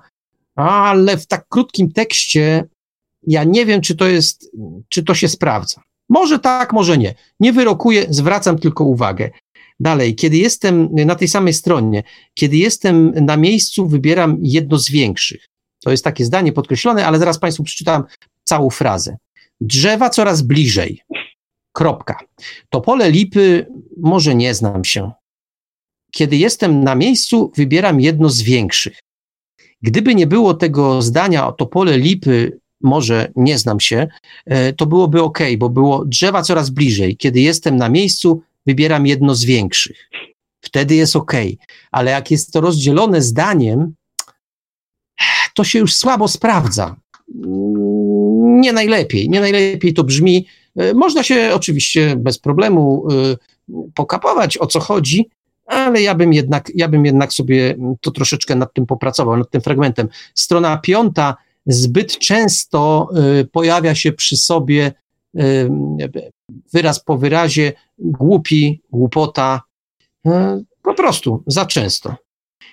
To właściwie, jeśli chodzi o takie językowe sprawy, no nawet trudno nazwać to językowymi, bo niektóre to są po prostu wątpliwości co do ustawienia pewnych rzeczy, więc no Bruno akurat nie ma, nie ma takich problemów. Tak jak powiedzieliśmy, naszym zdaniem ma zupełnie inne to opowiadanie, no, to na tym polega paradoks. To opowiadanie jest oczywiście nieźle napisane, jest w nim pewna psychologiczna myśl, pewna, co więcej, pewna prawda psychologiczna. Bruno to ładnie uchwycił. Takie właśnie to rozmemłanie, o którym pisze, to ta chęć skończenia ze sobą, bo coś się nie udało. To psychologicznie się sprawdza, ale ten techniczny aspekt, któremu poświęciliśmy z Wiktorem trochę czasu, no, moim zdaniem się nie sprawdza i dlatego ta moja rada z początku naszych wypowiedzi, żeby Bruno porzucił to opowiadanie. Porzucił to konkretne opowiadanie, ten tekst. Usiadł i napisał ten tekst od nowa i to będzie świetny tekst, z którego Bruno będzie dumny. Jestem o tym przekonany. Mam jeszcze uwagi, bo Marek się tam czepiał drobiazgów. Ja się tak, drobiazgów głupot, specjalnie nie. Tak, głupot tego nie będę czepiał, bo e, opowiadanie jest i tak dla mnie straszliwie w pewnych momentach przegadane i wyjaśnia, mnóstwo rzeczy jest wyjaśnianych. I to jest tak, że rzeczywiście wczesny Kadyna, bo przecież on dzisiaj to jest normalnie e, mistrzem takich skrótów właśnie myślowych takich skrótów y, y, w punktach odniesienia. Ja, ale jak ja czytam na przykład, zacytuję tutaj kawałeczek, przygadający ludzkim głosem, co za głupota. I teraz on mówi, w powieściach Jonatana Karola pełno jest gadających, a ktoś tak Któż tak powie, Bruno? Któż tak powie? Jakby to był e, nie Karol, e, tylko jakiś ktoś hiszpańskojęzyczny, że tak powiem, i miał pięć imion, to byś też używał Jan Maria, Karol, e, Jonathan, Karol i tak dalej. W tym momencie to się używa jakiegoś skrótu, jakiejś przynośni. Można tego Karo, Karola Karola jakoś tam wmontować, ale, ale nie w pełnym imieniu jeszcze film tak, tak. dodawać. Tak. Przerwę, przerwę, przerwę, przerwę. Wiktor, przerwę. Tak. Oczywiście, no, że masz no. rację. Jakby połączył no. nazwisko. Karol z gadającymi tak. psami, to ludzie, którzy są y, oczytani, tak. wie, doskonale wiedzą, jaki to Karol i, i, o jakie powieści chodzi. No, no jeszcze wziąć to po, yy, po polsku napisać Karol po prostu, nie? Nie, nie, nie, nie. No, tu bym tak daleko nie, nie? szedł. Ja bym, ja bym tego Carola zostawił, ale, ale mimo wszystko Karol i, i, i psy i tak by wszyscy wiedzieli. Faktycznie masz Dobrze. rację, no. O Janatonie, Jan, Janatanie Karolu to tak. pewno my w audycji możemy pogadać. A to jest notabene no, świetny pomysł, żeby sobie na przykład pogadać, przypomnieć o krainie psów. Świetna powieść. A zresztą nie no, jedna. No, Karol miał no, znakomite w tym opowiadanku. No, tak. no. Dobra, przerwałem ci, gadaj. Ja jeszcze, jeszcze zwrócę uwagę e, Bruna na takie drobiazgi zaraz, gdzie ja to widziałem? Gdzie ja to widziałem? No, no Cholera jasna, gdzie ta kartka? Już sekunda, sekunda, sekunda. O! Bruno, pomyśl nad, nad takim tekstem, jak trzeba czasami precyzyjnie i niełopatologicznie e, pisać, a ty to potrafisz. E, przeczytam kawałek. A, wiatr hula po peronie. Trochę mu zazdroszczę tej wolności. Chwała Bogu, trzy zdania dalej. E, Bruno pisze zdanie, daruję sobie ten szpadel. No i, ale przedtem sobie go nie darował. Bo zobacz, jak, jak to zdań, te trzy zdania poprzednie, jak powinny tak naprawdę za, być napisane. To jest kwestia tylko skojarzeń i pomyślenia. Cisza. Wiatr swawoli po peronie. Trochę mu zazdroszczę. Kropka.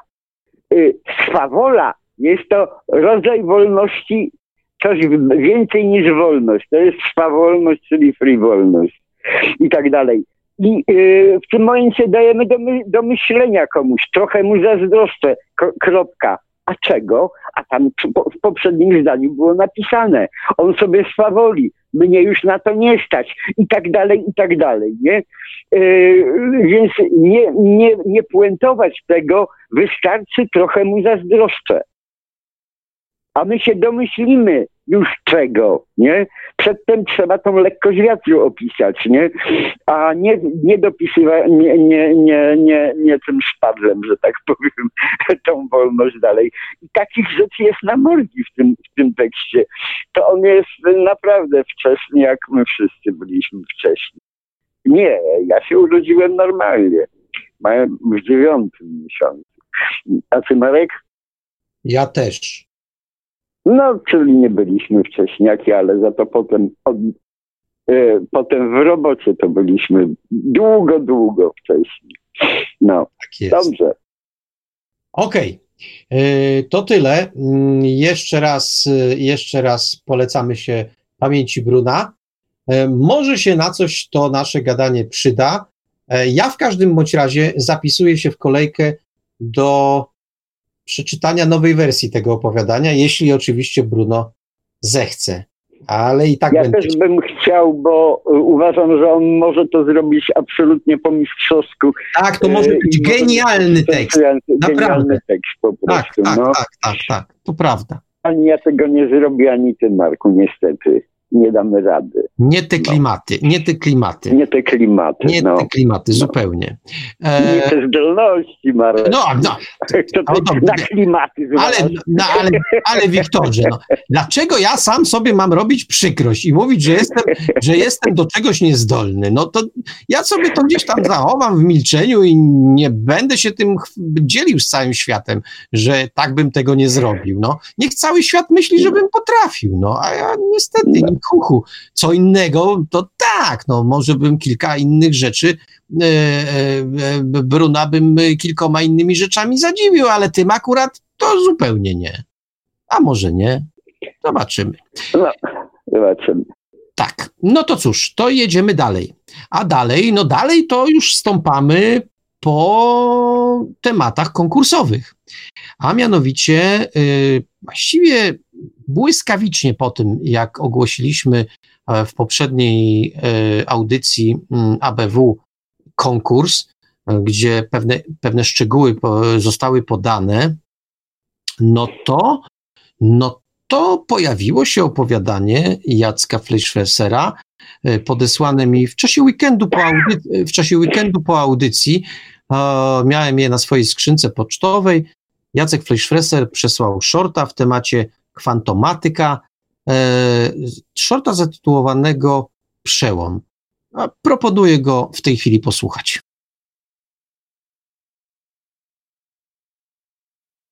Jacek Fleischfresser, Przełom. W sali plenarnej Instytutu Energetyki i Zasobów zgromadził się tłum dygnitarzy i prezesów większych spółek państwowych. Na prezydialnym stole postawiono większą walizkę, z której wychodził przewód podłączony do żarówki i kilku wskaźników. Hieronim Kalinowski siedział z tyłu publiczności. Za bardzo nie interesował się tym, że zaraz profesor Wacław Schrödinger pokaże wiekopomne odkrycia w dziedzinie energii kwantowej. Urzędnik miał inny problem na głowie. Jego konto świeciło pustką, a wieczorem obiecał oddać prezesowi Instytutu 10 tysięcy dolarów. Prezes dał mu je w zaufaniu do zainwestowania w intratny fundusz powierniczy. Mieli podwoić zyski w dwa miesiące, ale biznes wziął w łeb już po pierwszym tygodniu. Wszystkie pieniądze przepadły, a miało być tak pięknie. Szanowni Państwo, prezes Ireneusz Dziegć wszedł do salki razem z jakimś siwym, brodatym jegomościem opierającym się kosturkiem. Przywitajcie profesora Schrödingera. Dzięki niemu nastąpi przełom w energetyce. Nasza nadzieja na lepsze jutro. Wszyscy wstali i przywitali ich oklaskami. Hieronim też bił brawo, chociaż go to nie obchodziło. Jego departament nie miał tego w kompetencji. Od tak go dyrektor wysłał w zastępstwie. Profesor się ukłonił, chciał coś powiedzieć, ale stracił równowagę, bo pociągnął go prowadzony przez niego duży kot. Wywołało to u zebranych konsternację, ale nikt nie śmiał parsknąć śmiechem. Naukowiec tym się nie przejął, tylko wręczył smycz prezesowi. Ach, te koty. Przepraszam za niego, ale traktujcie go, jakby go tu nie było. Uśmiechnął się Schrödinger. To właśnie dzięki Planckowi, bo tak się kocur nazywa, rok temu wpadłem na genialny pomysł z zastosowaniem dysharmonicznego kwantowego oscylatora. Odkryłem, że im dłużej sierściucha się pieści, tym ma większą energię. Ale profesorze, jak to ma się do naszego urządzenia? Przerwał mu prezes. No, oczywiście nie będę wam snuć anegdot z życia starego dziwaka, jakim jest mój kot. Nie chcę wam opowiadać o tym, że z jednego bozonu kwarka uzyskanego w moim laboratorium dzięki komutacyjnej relacji utrzymanej w stałej równowadze anihilacyjno-kreacyjnej można w ciągu godziny uzyskać energię równą tej, jaka została wyzwolona w czasie wybuchów w Hiroshimie w 1945. Przepraszam, odezwał się ktoś z sali. A jakie są koszty uzyskania tych skwarków bozo coś tam? Już przechowujemy ich setki, bo były one do tej pory efektem ubocznym zwykłej syntezy. Zaś jeden dzięki zastosowaniu tego urządzenia może zasilić jedno duże miasto przez rok. Zresztą nie będę szanownego gremium trzymać w niepewności i zademonstruję działanie urządzenia. Profesor zdjął pokrowiec i wszystkim okazało się srebrne pudło wielkości dużego stacjonarnego komputera. Z jednej strony miało panel z masą guzików i suwaków, po środku okrągłe ciemne okienko, zaś od strony przewodów widoczny transformator. Bez słowa wstępu wcisnął czerwony przycisk i ustrojstwo zaczęło cicho buczeć. Za czarną szybką pojawiło się nikłe, blade światełko. Publiczność wstrzymała oddech, by zobaczyć, jak w ciągu minuty z okienka bił już oślepiający blask. Gdy maszyna wydała z siebie ciche PIM, profesor wcisnął guzik od strony ujścia energii. Podłączona żarówka zaświeciła jaskrawo, potem zaiskrzyła i eksplodowała, zaś wskaźniki urządzeń pomiarowych wyskoczyły poza skalę. No niestety nie mieliśmy odpowiednich. Zafascynowany prezes z uśmiechem przeliczał w głowie, ile na tym zarobi. Czy to jest bezpieczne? Czy nie wydziela się jakieś zabójcze promieniowanie? Zapytał ten sam co poprzednio. Nasze przełomowe urządzenie jest zupełnie niegroźne i po zużyciu bozona pozostaje jedynie uwięziony w kwantomatycznej pułapce neutralny leptonowy fermion. Ponadto oszczędności, jakie przyniosą nam trit-trit Rozległ się po sali głośny i natarczywy sygnał czyjejś komórki. Wszyscy spojrzeli na Hieronima, który obudził się z letargu. Dotarło do niego, że to jego własny telefon. Zakłopotany spojrzał na wyświetlacz. Okazało się, że dzwoni do niego Anselm, ostatni, od którego jeszcze nie pożyczył pieniędzy. Przepraszam, wydukał i potykając się o niezawiązane pantofle, wybiegł na korytarz. No, Kiciuś, złaź z mównicy. Zdekoncentrowany profesor razem z prezesem zaczęli odganiać kota, który wskoczył na stół z urządzeniem. Hieronim przez pięć minut negocjował z sąsiadem, na jaką kwotę ten może sobie pozwolić i na jaki procent. W czasie swojej nieobecności nie widział, jak prezes oparł się na stole, któremu od jego ciężkiego brzucha pękła noga. Wtedy cały aparat najzwyczajniej w świecie zsunął się i spadł na klepkę. Błysnęło i huknęło, a naukowiec nawet nie zdążył krzyknąć. Zadowolony z siebie Hirek wrócił na konferencję. Sala była pusta i dziwnie śmierdziało. Podszedł do uszkodzonego stołu. W podłodze była płytka, wycięta sferyczna dziura.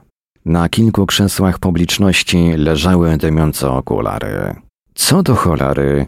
Już tak szybko skończyli? Co ja powiem szefowi? Nagle na przewrócony blat wskoczył czarny kot profesora.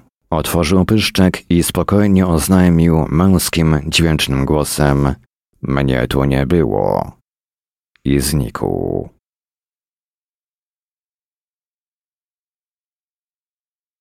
Tak, Wiktorze. No to teraz spoczywa na nas y, poważne zadanie, bo obiecaliśmy, że to jest ten moment, w którym będziemy już właściwie pierwsze decyzje podejmować.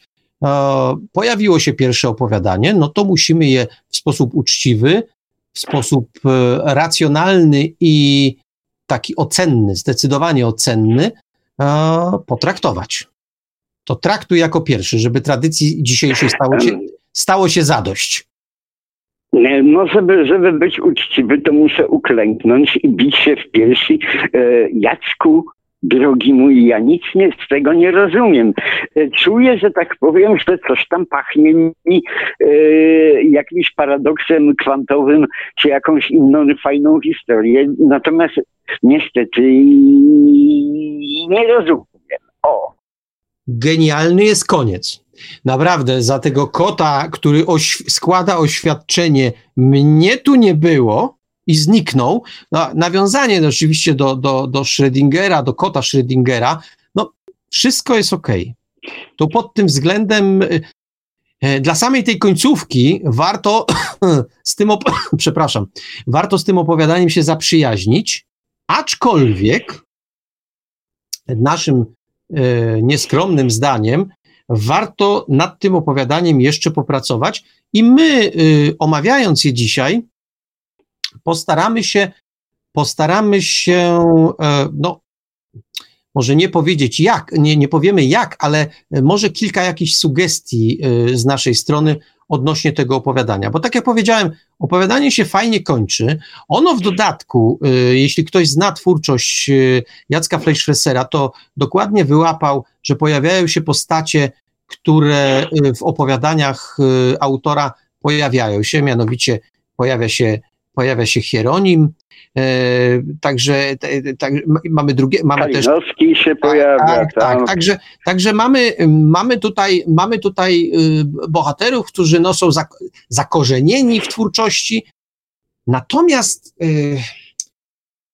to jest opowiadanie, które spełnia warunki formalne, mieści się w pięciu tysiącach znaków, to wszystko jest ok.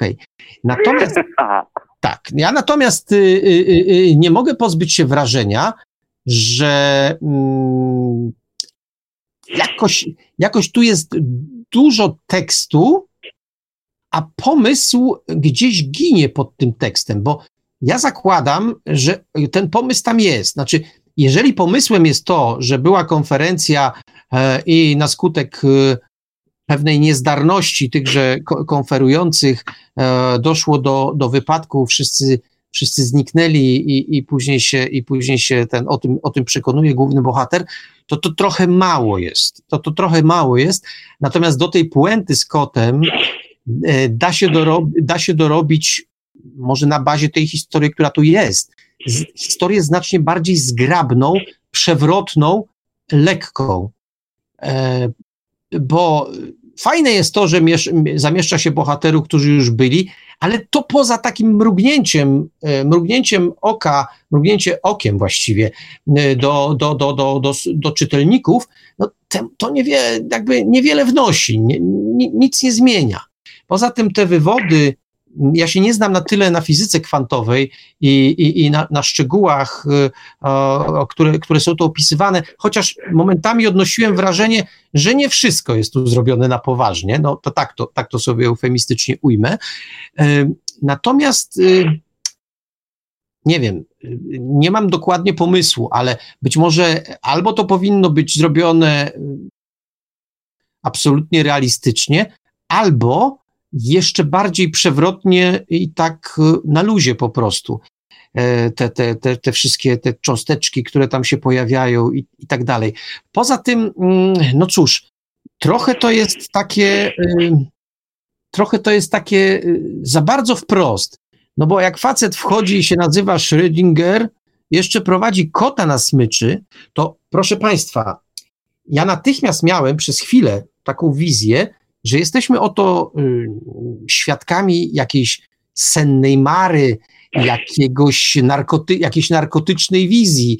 No bo powiem Państwu szczerze, że jak ja bym trafił na konferencję, na której pojawiłby się Schrödinger z kotem, e, to chyba bym się udał do lekarza. I myślę, że podobnie powinien zareagować główny bohater. No jak mi się, jakbym był na konferencji, nawet będąc w zastępstwie i pojawiłby się Schrödinger z kotem, no to ja bym się zaniepokoił stanem swojego zdrowia. Może to jest jakiś klucz, może jeszcze inaczej, ale powtarzam, jest fajna puenta, fajne wprowadzenie, znaczy sama sytuacja jest fajna tej konferencji, te, tego. Natomiast co jest dalej, y, no short ma to do siebie, że y, musi być taki, no, musi być błysk tego pomysłu. Ja go tutaj nie widzę. To znaczy on jest, on jest może, y, może nie do końca, że tak powiem, wyartykułowany. Tak, no być może, nie? być może, tak, no, tak ale ja, ja tutaj porównam to, to akurat opowiadanko do innych sortów, które, które, e, które żeśmy przenylali, akurat naszego również przyjaciela Tomka Fonsa. Otóż Tomek Fons mnoży tego typu historie, takie stworzył sobie również świat tego Cyber Jokera, czy Jokera? Jokera. Cholera. Okej, okay, dobrze, niech sobie będzie.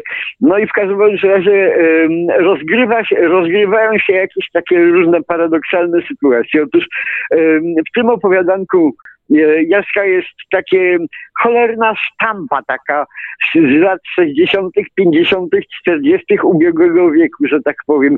Wchodzi pan profesor, stawia coś na, na, na mównicy. Brak obyczajowej Y, jakiejś y, intrygi po prostu, czegoś fajnego w trakcie, coś, co by nas rozbawiało, sytuacji jakiejś rozgrywana. To jest taka sztampa. Ale, ale, ale, ale, ale no.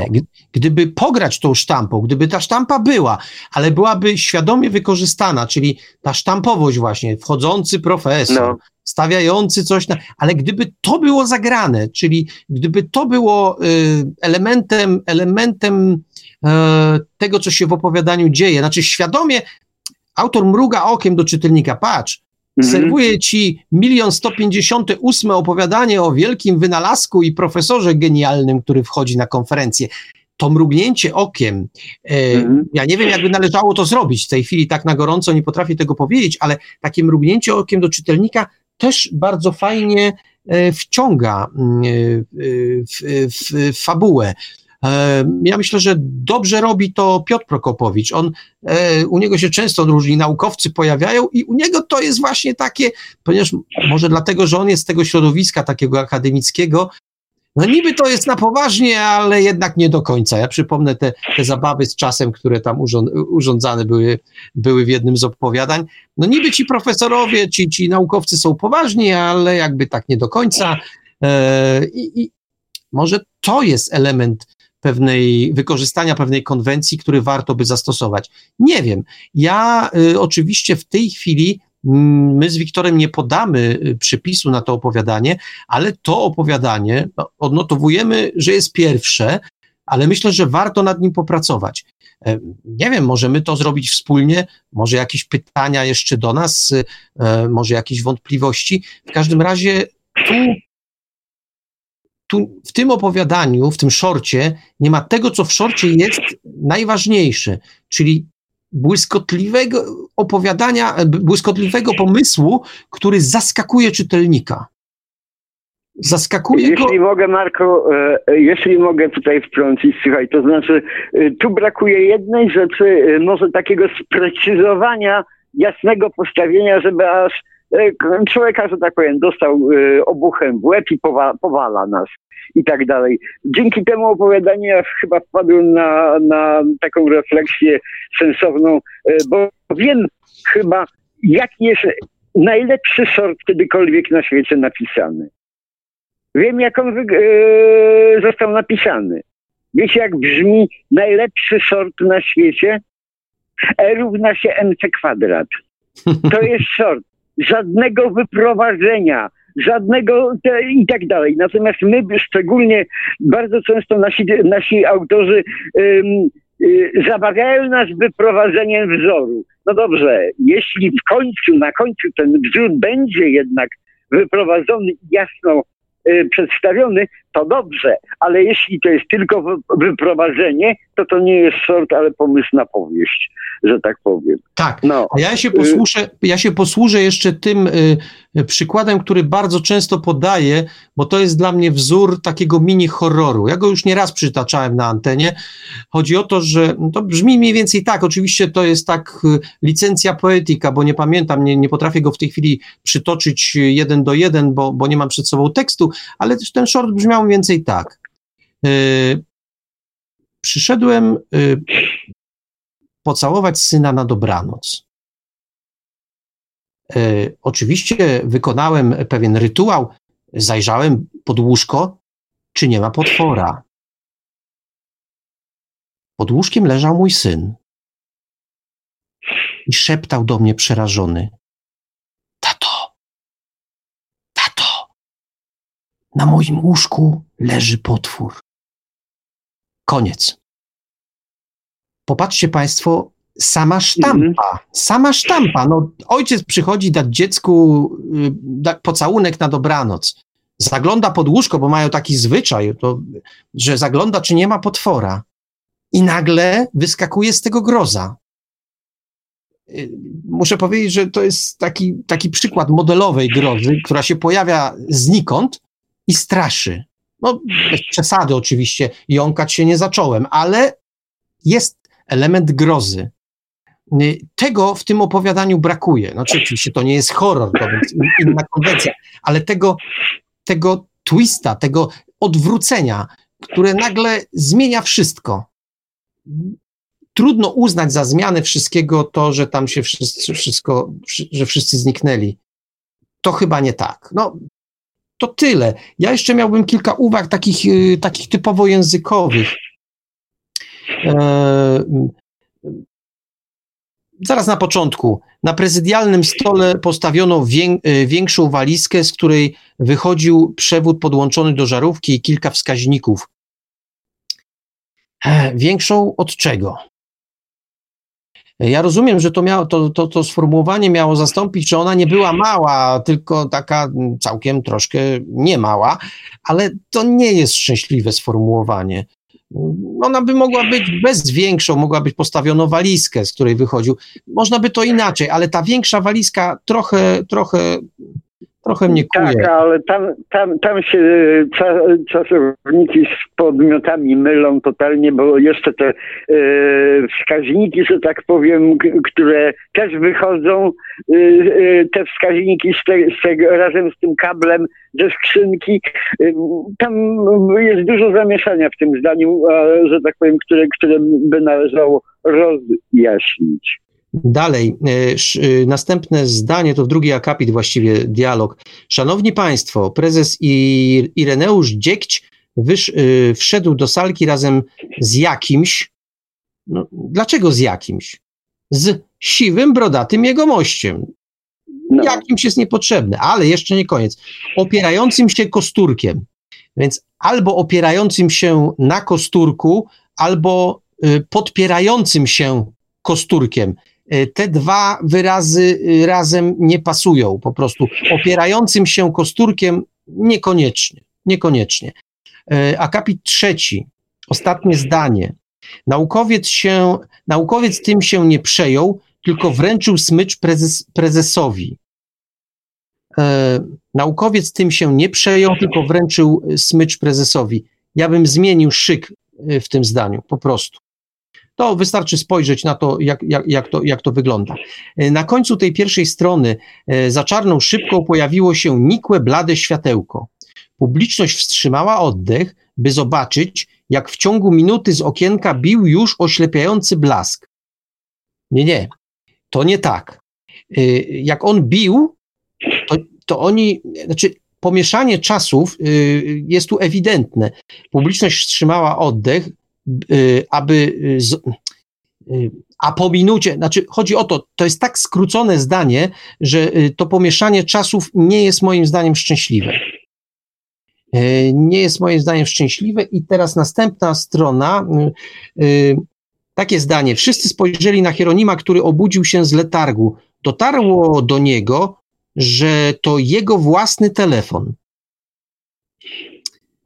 Dotarło do niego, że to jego własny. No, jakby już dota jakby dotarło do niego, że to, że to jego telefon, to jeszcze okej, okay, ale jego własny, no to, to, już przesada, nadmiar, nadmiar, po prostu nadmiar. Dalej, e, mm, Zadowolony z siebie Hirek y, wrócił na konferencję. Sala była pusta i dziwnie śmierdziało. Podszedł do uszkodzonego stołu.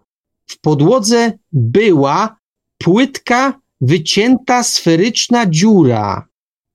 Po pierwsze, czy ona była wycięta, wypalona, wymiętolona, czy cokolwiek, tego nie wie bohater. Ona no była po prostu. Nie wiem, czy jego zdaniem mogła być wycięta. Za dużo słów była płytka, wycięta, sferyczna dziura. Za dużo słów. I, e, i, i coś tu jeszcze, aha, mam jeszcze zaznaczony cały, cały akapit. Hieronim, Hieronim przez pięć minut negocjował z sąsiadem, na jaką kwotę ten może sobie pozwolić i na jaki procent. W czasie swej nieobecności nie widział, jak prezes oparł się na stole, któremu od jego ciężkiego brzucha pękła noga. Wtedy cały aparat najzwyczajniej w świecie zsunął się i spadł na klepkę. Błysnęło i huknęło, a naukowiec nawet nie zdążył krzyknąć. Ja bym poważnie nad, nad tym fragmentem się zastanowił, bo on oczywiście opisuje pewną sytuację, ale po pierwsze opisuje ją bardzo, bardzo y, takim shortowym tempie, co nie jest zarzutem, ale w tym wypadku mm, można by pomyśleć o tym, e, czy, a, czy aby na pewno tak, e, bo to posługujemy się takim prostym, prostym zabiegiem, że nie widział czegoś i opisujemy, czego on nie widział. E, dlaczego od jego ciężkiego brzucha ta, ta, ta, noga pękła? Co to kuźwa za stół był? Że, znaczy, to jest znowu rozwiązanie, z, rozmawialiśmy na temat prozy Bruna, to się technicznie, czy ktoś zapyta, czy to jest niemożliwe, ależ oczywiście jest możliwe, wszystko jest w tym świecie możliwe, prawie, ale no, ja wiem, no, ja, nie wiem, jaki brzuch miał ten facet, ale żeby się noga od tego załamała, na której stał aparat wcześniej i w ogóle wiedzą, czy, czy, czy, to byli kompletni durnie, że nie wiedzieli, że powiedzmy mają do czynienia ze sprzętem, który jest potencjalnie niebezpieczny. No nie wiem. Y, ja jestem, znaczy, oczywiście może się zdarzyć w każdym opowiadaniu świat absurdu. Okej, okay, nawet go lubię, ale wtedy prowadźmy go konsekwentnie. Jakby to od początku było takie nieco absurdalne i wszystko się może zdarzyć, wtedy okej. Okay. Ale tu chyba nie. Takie odnoszę wrażenie, że chyba nie. Niemniej. A, Wiktorze, dobrze, jeszcze przepraszam, bo, bo, bo się, bo się szarogęsie, szaro, szarogęsiłem. Co jeszcze ty, Wiktorze? No, myślę, że te wszystkie błędy wynikają e, przypadkiem z bardzo pozytywnej cechy, którą mają wszyscy, prawie, prawie wszyscy e, nasi autorzy, którzy do nas na konkurs piszą. Otóż jedna z najpozytywniejszych, naj, najbardziej sensownych cech twórcy to jest pasja, ale pasjonat czasami wygląda jak wariat, e, że tak powiem, a pasja powinna być jednak cholernie racjonalna, żeby miała ręce i nogi. I pasje, prawdziwe pasje takie są. E, tą pasją, że tak powiem, e, efektem tej pasji Einsteina był właśnie na końcu te E równa się mc kwadrat po prostu. Pasja powinna prowadzić, y, motywować tylko działanie, a nie oślepiać, że tak powiem. A my to bardzo często zresztą przy, przy ostatniej okazji, jak żeśmy to analizowali, Myszograja tekst, to też tak samo pasja potrafi oślepiać. Trzeba to, z tym uważać. Warto ją pielęgnować, bo bez pasji to jesteśmy niczym e, i nikim. Natomiast e, no, uważać, uważać na to, bo można się sparzyć. Okej, okay, to ja jeszcze mam y, na koniec zupełnie taką oto propozycję do rozważenia przez autora. Bo tu wszystko mieści się w ramach konwencji. Mamy te kwarki, te tam wszystkie. A gdyby ta konferencja była poświęcona, ja wiem, tak spróbuję, w te, na, ja wiem, sztuce kulinarnej albo na przykład bankowości i pożyczaniu pieniędzy. To by się fajnie Na zgra... przykład. Tak, tak by się fajnie mhm. zgrało z tym, co robi główny bohater, że usiłuje jakby w sposób taki dramatyczny pożyczyć pieniądze. No powiedzmy, niech będą. I tam się dzieje coś w czasie tej konferencji, E, co powoduje taką kwantomatyczną, tak ją określmy zgodnie z tematem, reakcję. Wtedy może nawet ten e, słynny bankowiec, ekonomista, laureat Nagrody Nobla, Nobla Schrödinger, e, który trzęsie finansami całego świata i tutaj jakiś wykład prowadzi, ma swojego kota. Skojarzenia są, pchamy czytelnika w skojarzenia, no Schrödinger, no kot, no ale oczywiście facet mówi o rzeczach właśnie niezwiązanych z kwantami, z, z cząsteczkami i tak dalej. Ale finał jest bardzo podobny. Coś się wydarza w czasie konferencji. E, nie wiem, czy to ekonomicznej, co, w czasie ekonomicznej to nie mam pomysłu, czy to w czasie na przykład kulinarnej, czy jakiejkolwiek innej. Coś się wydarza, co powoduje, że rzeczywiście wszyscy znikają, a tak, Marku, w ogóle Cię nie rozumiem, o co Ci chodzi, natomiast zdecydowanie jestem za, to, za Twoim pomysłem. E, umiejscowienie tego w paradoksalnie innej niż fizyka e, cząsteczkowa czy kwantowa i tak dalej, w innej branży, że tak powiem, czyli w bankowości albo w, e, no, w kulinariach. kulinariach, robi rewolucję w tym, w tym momencie, tylko trzeba to sprytnie zrobić. Bardzo dobry pomysł. No Proszę to polecam. bardzo, potrafisz.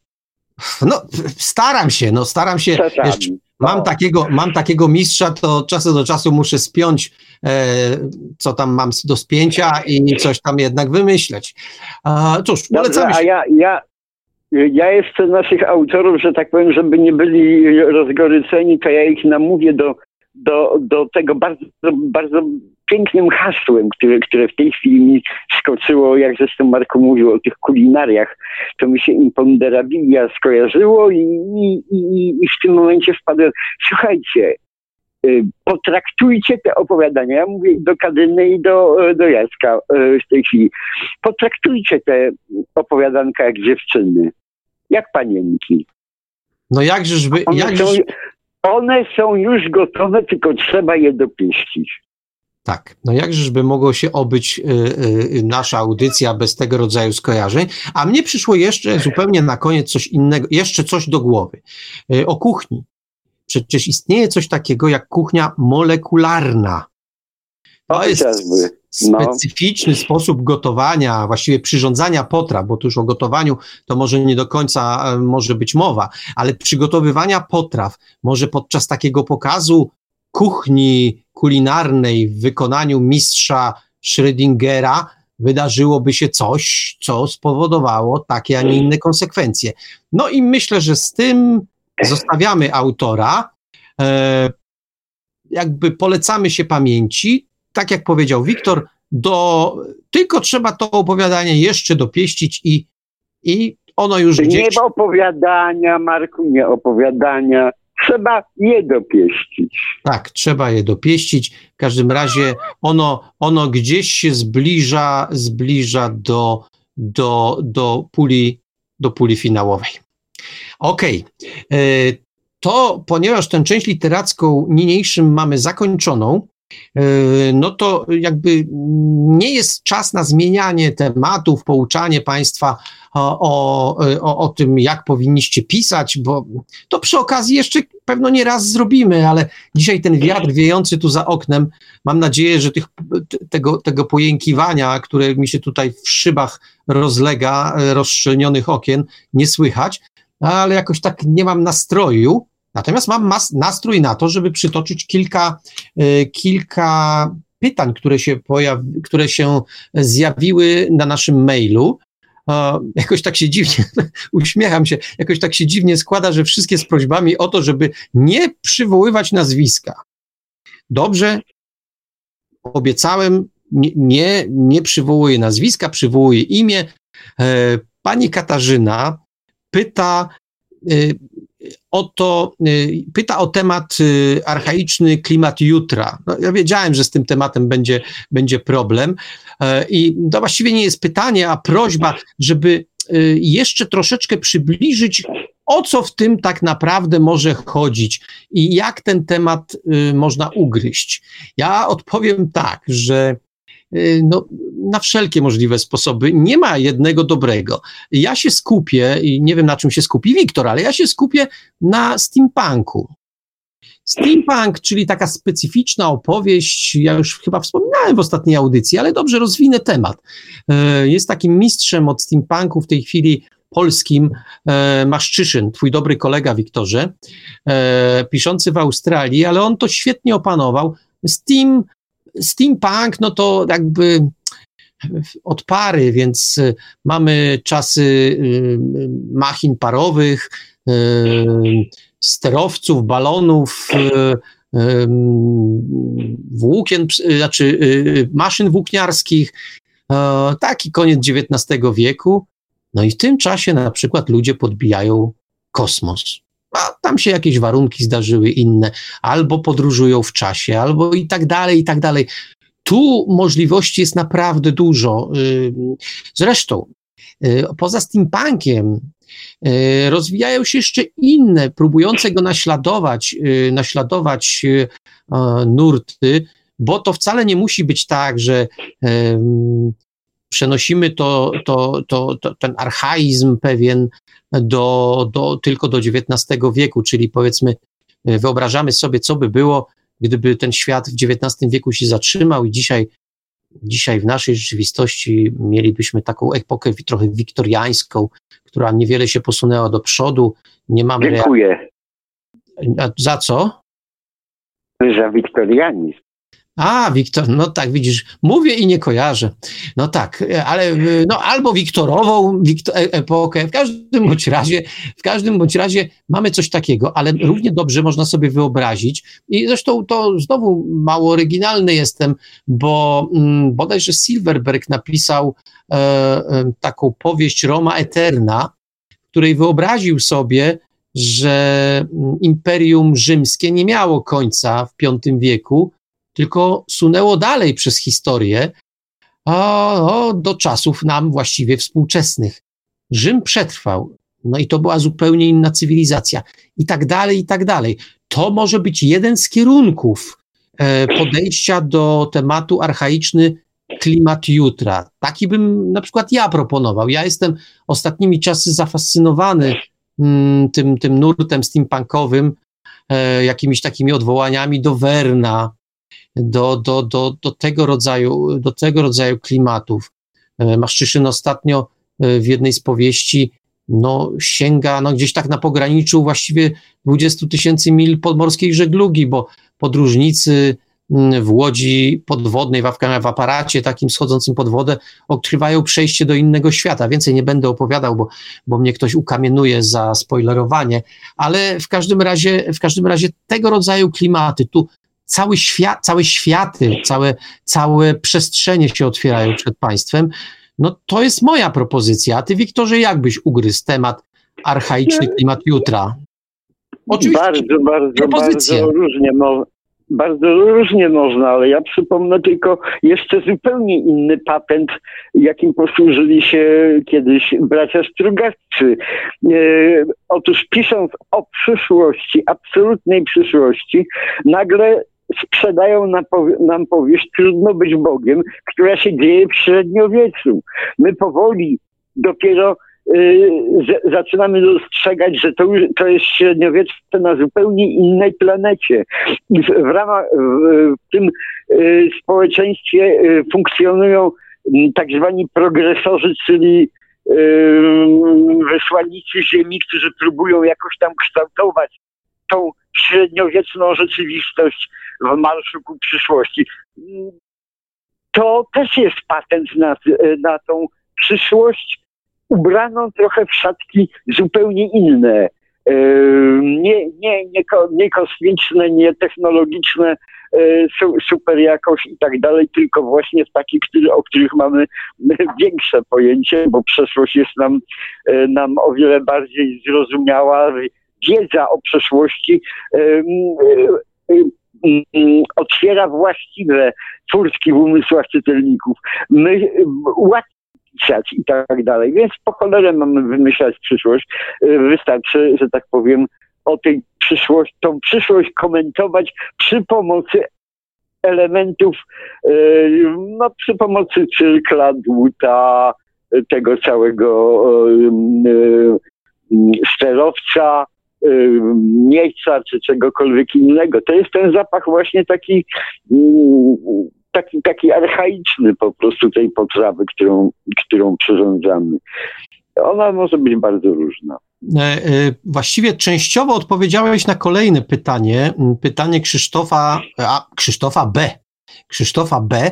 E, on pyta o, tak, o taką sprawę, odnośnie znowu archaicznego klimatu jutra.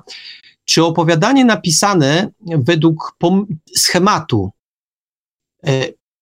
opisujemy średniowiecze znaczy średniowiecze już jest moje, bo tu jest taki opis y, powiedzmy świata z pogranicza fantazy. No więc powiedzmy jakieś takie średniowiecze fantazy opisujemy, e, a później okazuje się, że to cywilizacja zbudowana na ruinach naszej cywilizacji. Czy to się mieści w ramach tematu? No więc odpowiadam. Mm. Moim zdaniem absolutnie tak. Absolutnie no, tak. No. oczywiście. To jest kolejny pomysł na stworzenie, na stworzenie. On jest co prawda bardzo prosty. Ja się zastanawiam, czy nie za bardzo prosty, ale oczywiście dobrze rozegrany, tak żebyśmy się od razu nie zorientowali o co chodzi, to jak najbardziej. Poza tym yy, od razu taką uwagę zgłoszę, żeby nie przesadzać z tym fantazy, bo jak przegniemy pałkę i yy, za bardzo wejdziemy w jakiś świat, który tam się będzie taki, tak jak tutaj w tym opisie, który skróciłem do średniowiecza, e, jak będziemy e, za bardzo się rozpisywać o tym, o tym e, właśnie takim magiczno fantazy średniowieczu, a później przeskoczymy, że to tam powiedzmy na gruzach naszej cywilizacji, to mm, możemy zgubić proporcje. Ja myślę, poza tym to jest tylko pewien, pewne ramy, w których się poruszamy ja bym autorowi Krzysztofowi B. doradzał, żeby jednak na to, co, co, mi napi- co tutaj nam napisał, nałożył jednak fajny pomysł, bo to, co na razie przedstawił, to jest świat. To, jest, to są ramy, w których się poruszamy. To jeszcze nie jest pomysł na opowieść. To jest zaledwie szkic, na który trzeba by, na te, na te realia, nałożyć jakąś opowieść odwołującą się do konkretnych bohaterów, do konkretnych wydarzeń, do konkretnego, do konkretnego ich losu. E, to by było, to by było bardziej wskazane. A ja w trakcie Twojej dywagacji wymyśliłem kapitalnego sorta e, na, na swój temat. Mogę? No, zapodawaj. Słuchaj, w dalekiej, w dalekiej, w dalekiej przyszłości moja pra, pra, pra, prawnuczka jest właśnie w ciąży i spodziewa się dziecka i strasznie się zastanawia, co to będzie, co, co to jutro przyniesie, bo już jutro będzie rozwiązanie. Będzie miała dziecko. Jakie to będzie dziecko? To jest króciutki szorcik po prostu może. I intrygujące. Rozważa z mężem, jeśli jeszcze mężowie istnieją. No w każdym razie rozważa ten dylemat, co to będzie, co się nam urodzi. I w trakcie tych rozważań patrzy na półeczkę, gdzie stoją stare, pożółkłe książki i y, y, stare, pożółkłe zdjęcie mieli pra, pra, pradziadka. Wiktora Zykiewicza. Włosy jej stają dęba na głowie, mówi Boże, tylko nie to, tylko nie to. Archaiczny wyraz jutra, prawda? O, no, bardzo, bardzo, bardzo świetny, bardzo świetny. A, no cóż, żeby było śmieszniej, to, to, to kolejne pytanie znowu dotyczy e, tego tematu archaiczny klimat jutra.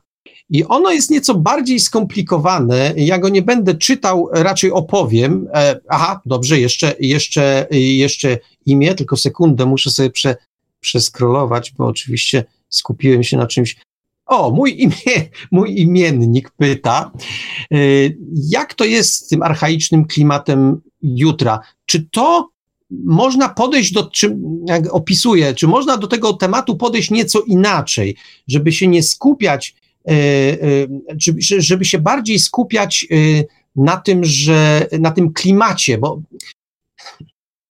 jak chcę coś za dużo powiedzieć, proszę Państwa, to, to zaczynam, się, zaczynam się jąkać.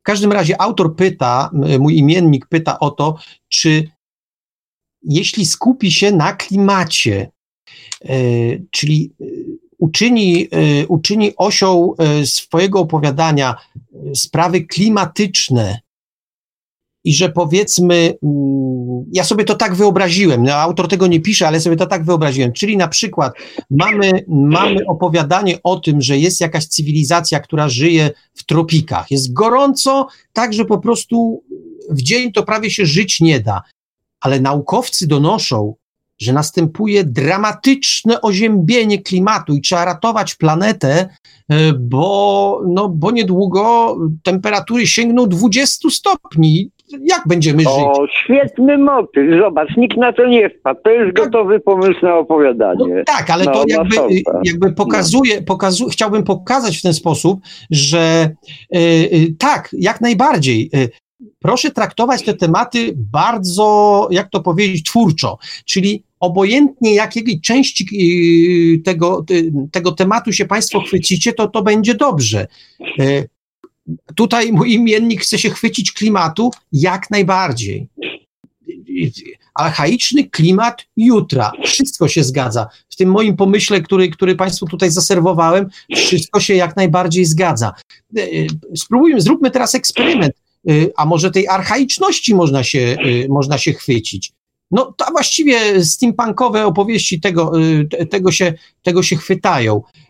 Ale jutra, no to jakby to można, jakby można o tym, no właśnie, jak, jak zwykle, jak zaczynam kombinować, to zaczynam mieszać. W każdym bądź razie, y, y, podsumowując, chwytajcie Państwo to, co Wam jest wygodne. Te, jeśli się tylko mieści w temacie, to jak najbardziej. Więc, szanowny y, Panie Marku, do dzieła.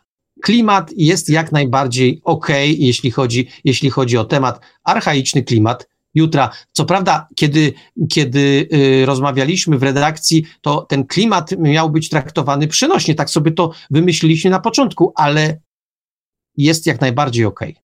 Wiktorze. To jest bardzo dobry chwyt. A ja wymyśliłem następnego sorta, Marku. Mogę? No jak najbardziej. E, cholera jasna, wiem, że zawracam głowę autorom i tak dalej, ale, ale mnie aż ponosi. Chciałbym się pisać, tylko że się nie chce. No ale zobacz, jakie kapitalne opowiadanie można napisać. Y, w dalekiej, dalekiej przyszłości żywimy się wyłącznie chemią oczywiście, albo molekułami po prostu, nie? No, jadalnymi mo molekułami oczywiście. No i żywimy w tym świecie po prostu wszystko jest takie tego i tak dalej, ale gdzieś tam bo społeczeństwo jak zwykle każde, szczególnie arystokratyczne, jest zwyrodniałe, no więc gdzieś się odbywają y, w takich podziemiach misteria. Tak jak, jak te wywoływanie duchów albo y, no, przywoływanie przy stoliku jakiegoś tam ducha i tak dalej. Otóż gromadzą się ludzie, ale wyłącznie arystokracja. Do tego pomieszczenia wprowadzana jest świnia, i odbywa się rytualna rzeź tej świni, po czym wszyscy żrą chłapy. Narzędza, szkoda gotować, to jest urok. To jest urok archaiczny tamtej przyszłości, tej świetlanej, cudownej. A to mocny mogły być mocne opowiadanko, kurde. Jak ci się podoba? No, mocne. Pytanie, jakby ta rzeź była opisana, to inna sprawa. No bez zażynania przecież nie można. Zażyna się wszystko. Klimat, yy, miłość się zażyna. Wszystko się zażyna. Wszystko jest do zażynania. Czemu nie świnia? W przyszłości oczywiście, nie? Ale no, według postulatów niektórych obrończyń wszystkiego, wszystkiego co żyje, e, no, mm, zażynanie zwierząt jest przestępstwem. Jedzenie, wiesz, wiesz, jedzenie ja, ja jajek też panią, jest przestępstwem. Ja bym tym paniom poradził, broń Boże, nie używać żadnych środków przeczyszczających w czasie, e, kiedy ma się biegunkę. Przecież tam w żołądeczku naszym jest pełno y, bogobojnych drobnoustrojów, które się chcą wykarmić po prostu w tym, w trakcie biegunki, że tak powiem. Więc wypróżnianie, wyrzucanie tych bożych żyjątek z naszego organizmu to jest grzech. Co najmniej grzech. Hmm, możliwe, że tak. I ostatnie pytanie z serii, które, e, z serii, które e, nadeszły. Pytanie zadane przez, e, przez Piotra, przez Piotra, przez Piotra, przez Piotra. Cytuję. Chodzi o temat imiona wojny. Zapewne wszyscy będą pisali o takiej czy innej wojnie. A gdybym napisał opowiadanie, w którym to, co opiszę, e, nie będzie wyglądało jak wojna. E, później, później jest jeszcze opis, znaczy, bo to zdaję sobie sprawę, że, że, że mm, powiedzmy za krótkie. Chodzi o to autorowi, że mm, my dzisiaj e, pewne rzeczy traktujemy jako pewną normalność, pewne zwyczaje, a w przyszłości na przykład będą będzie się to nazywało, że to wojna. To troszeczkę na tej zasadzie, jak e, kiedyś mówiono, że wojna to wojna, strzelają się, a dzisiaj się mówi o wojnie hybrydowej. A gdyby, no mówię, to już autora nie pada, a gdyby na przykład e, wojna polegała na tym, no coś absurdalnego muszę wymyśleć, no no dobrze, mam już coś absurdalnego. Y, który oddział zje więcej tortów na przykład? Czy to też byłaby wojna? Mm, to jest tak absurdalne, że nie polecam tego pomysłu. To jest akurat idiotyczny pomysł, ale, ale y, y, idea, idea pytania jest taka, czy, czy imiona wojny to może być opowiadanie o czymś, co dzisiaj za wojnę nie jest uważane, a w przyszłości za takową uznawane być może. Ja powiem tak, ja sobie nie bardzo tak do końca to wyobrażam, ale jeśli autor ma dobry pomysł, a wyraźnie autor boi się, że ten pomysł, jak go, nie sprzedaje tego pomysłu po prostu, a ja się nie dziwię, y, autorzy są zazdrośni i strzegą swoich pomysłów, ale tak, Y, jeśli zdoła coś takiego wymyśleć, ja mówiąc szczerze, tra, teraz y, sobie te żyły, żył, żyły na mózgu wysilam i nic takiego nie widzę, ale to być może przejściowy, przejściowy zanik, y, zanik pomyślunku. Myślę, że tak, że to też będą, będzie się mieściło w temacie imiona wojny. Jak sądzisz, Wiktorze? Wiesz, to jest ma, y, pewna aluzyjność, czy, y, czy tego jest jak najbardziej wskazana po prostu, bo to wiesz, że można spokojnie w tej chwili opisać bardzo realistycznie jakąś wyprawę na inną planetę chińsko-buddyjską, czy jakąś tam, znaczy nie planetę, tylko wyprawę chińsko-hinduistyczno-egipską, jakąś tam muzułmańską, że tak powiem, która ląduje na jakiejś planecie, nie? Y, no i tak jak oni wysiadają, ci kosmonauci, tak wszyscy są klas, klas, klas, klas, pozabijani. Zostaje tylko jeden i rozpaczliwie stara się zrozumieć dlaczego, co się stało i tak dalej, nie? No i nie może, ale ma internet jeszcze, grzebie w tym internecie i znajduje, że przecież faktycznie kiedyś istniała ta europejska biała cywilizacja na Ziemi i ona miała takie, mm, takie punkty odniesienia, między innymi jedną planetę nazywała Mars. Zabija po prostu. No tak. To jest tak. imię wojny. Tak, no na przykład no. Można, można, też pójść na przykład w takim kierunku, że o, ja wiem, no, z, ty, z, tymi tortami to, to pojechałem, pojechałem troszeczkę, troszeczkę za, y, za, za mocno. Natomiast y, no, równie, równie dobrze można sobie wyobrazić sytuację. Halo? Matko Bosko, co się stało? Nam Wiktora wy, wy, wywaliło i zrobiło się niemiło. No, wi- jakby to powiedzieć, wichury dały znać o sobie, e, bo Wiktora to tak wywaliło e, dosyć konkretnie, że się nawet e, trudno z nim ponownie połączyć. Poczta się włącza, więc albo tam nie wiem, czego mu mogło zabraknąć. Pewno mu zabrakło prądu w komórce i nie bardzo jest skąd podładować. Nie, nie wiem. Nie wnikajmy, tylko kończmy audycję. Ja e, zacząłem mówić o tych, o tych o imionach wojny, to już jeszcze skończę. Równie dobrze o imionach wojny można napisać opowiadanie e, o tym, na przykład, że w przyszłości o, wojny toczą się w internecie. No, mechanikę tego, tego sporu może, trzeba by oczywiście wymyśleć, a kto ale są, też, są w czasie tych konfliktów y, wojennych w internecie y, również y, zbrodniarze wojenni. No, tacy odpowiednicy współczesnych hejterów. Na przykład. Czy to byłby fajny pomysł? Nie wiem. Ja go tak za bardzo nie czuję. Bardziej podaję, bardziej podaję jako pewien pomysł, jeden z, jeden z takich elementów, takich jąder krystalizacji. Kolejne takie jądro krystalizacji, wokół których mogą się e, kręcić Państwa myśli, a może niekoniecznie, może uciekajcie Państwo jak najdalej, to na przykład wojna z Gają. Wojna, jeśli przyjmiemy, na początku audycji mówiliśmy o Gai, o hipotezie Gai, gdzie Gaja jest żywym organizmem, który e, na swoim e, zewnętrzu ma taką rasę pasożytów, którzy nazywają się ludźmi. No i pewnego dnia Gaja wypowiada nam wojnę a my z nią walczymy. E, prosty pomysł, ale gdyby tam zastosować mm, na przykład takie nieoczywiste rozwiązania, że to może jednak nie Gaja tak do końca ma rację, może jednak ludzie, może jeszcze coś innego, to raczej, raczej, raczej punkt, punkt wyjścia. A poza tym warto też, warto też myśląc o, y, o imionach wojny, pomyśleć o takich paradoksach. No o co walczył w swoim czasie Związek Socjalistycznych Republik Sowieckich czy Radzieckich, tam w zależności od tego, jak to, jak to, jak to lubi. No o co walczył? O pokój. No, ja pamiętam takie opowiadanie Williama Tena, w którym y, obce cywilizacje tak walczyły o pokój y, i wolność Ziemi, tak wyzwalały tę ziemię, no, notabene opowiadanie nosi taki właśnie tytuł Wyzwolenie Ziemi, że z tej ziemi prawie nic nie zostało. Tak również można y, o pokój, o pokój walczyć. To y, równie, równie, y, równie dobry pomysł w ten sposób, w tym kierunku również można, można pójść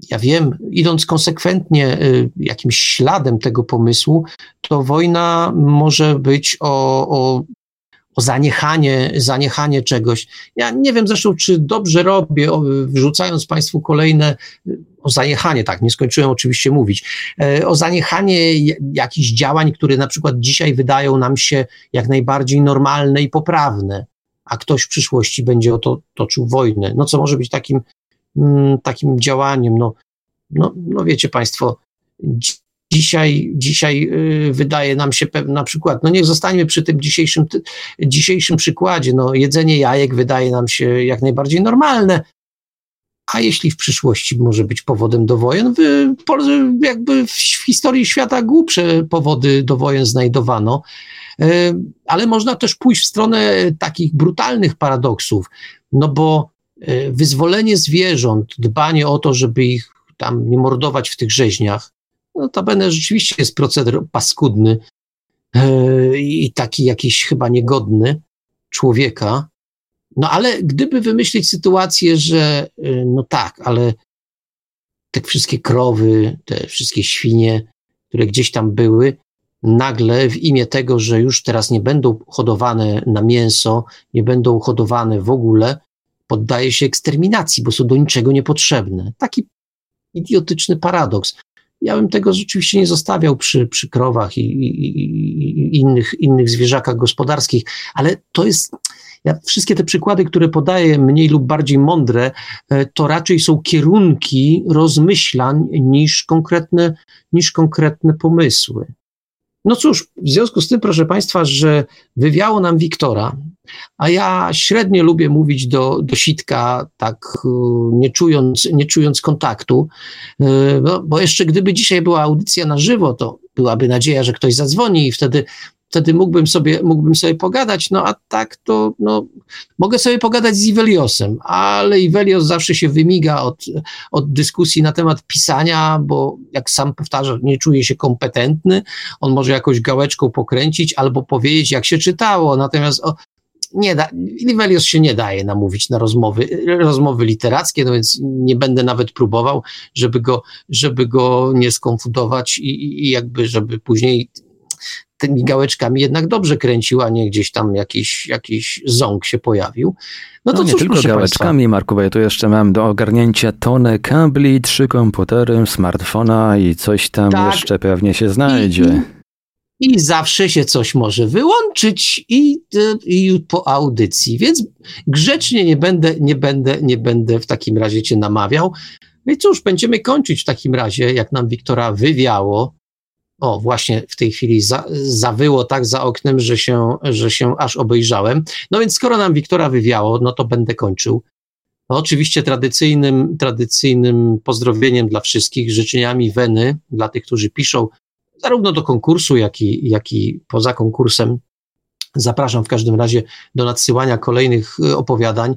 Dzisiejszych y, autorów, y, którzy, których opowiadania były przedstawiane w audycji, serdecznie namawiam do tego, żeby pochylili się nad swoimi opowiadaniami, to są naprawdę, wbrew temu, co my tutaj gadamy, że my tam się powiedzmy yy, nad nimi pastwimy, no to właśnie się pastwimy po to, żeby one były naprawdę fajne i naprawdę szczerze namawiam, żeby się nad tymi opowiadaniami pochylić. Zarówno Bruno, jak i Jacek Fleischfresser proponuje, żeby się naprawdę skupić i pochylić nad tymi opowiadaniami.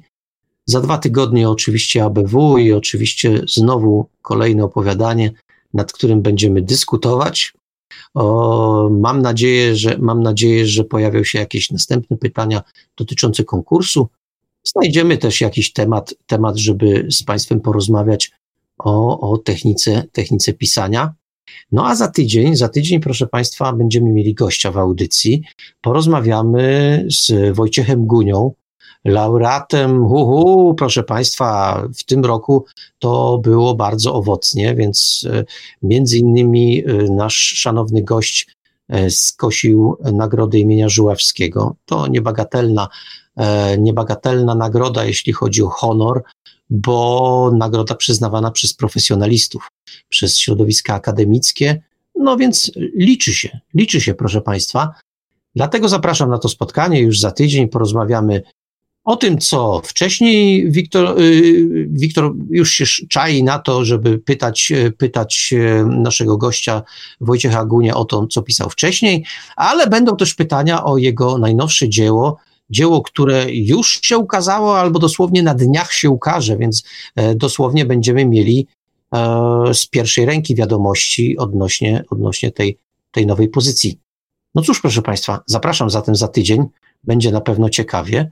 A teraz już wszystkiego dobrego od Wiktora nieobecnego, bo wywianego i ode mnie. Wszystkiego dobrego, dobrej nocy. No i cóż, dobrych lektur i samej weny przy pisaniu. Dobranoc. A mówił to słowa do Państwa jak e, prawie zawsze, bo zwykle e, mówią, dwaj panowie mówią te słowa w ostatniej części ABW.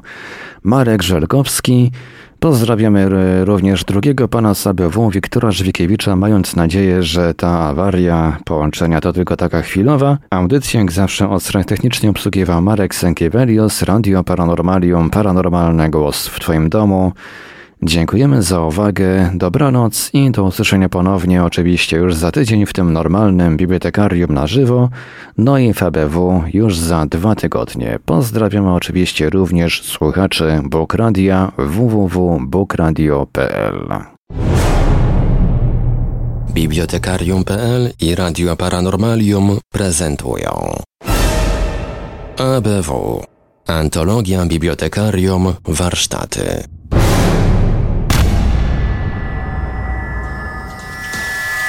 Produkcja i realizacja Radio Paranormalium. Www.paranormalium.pl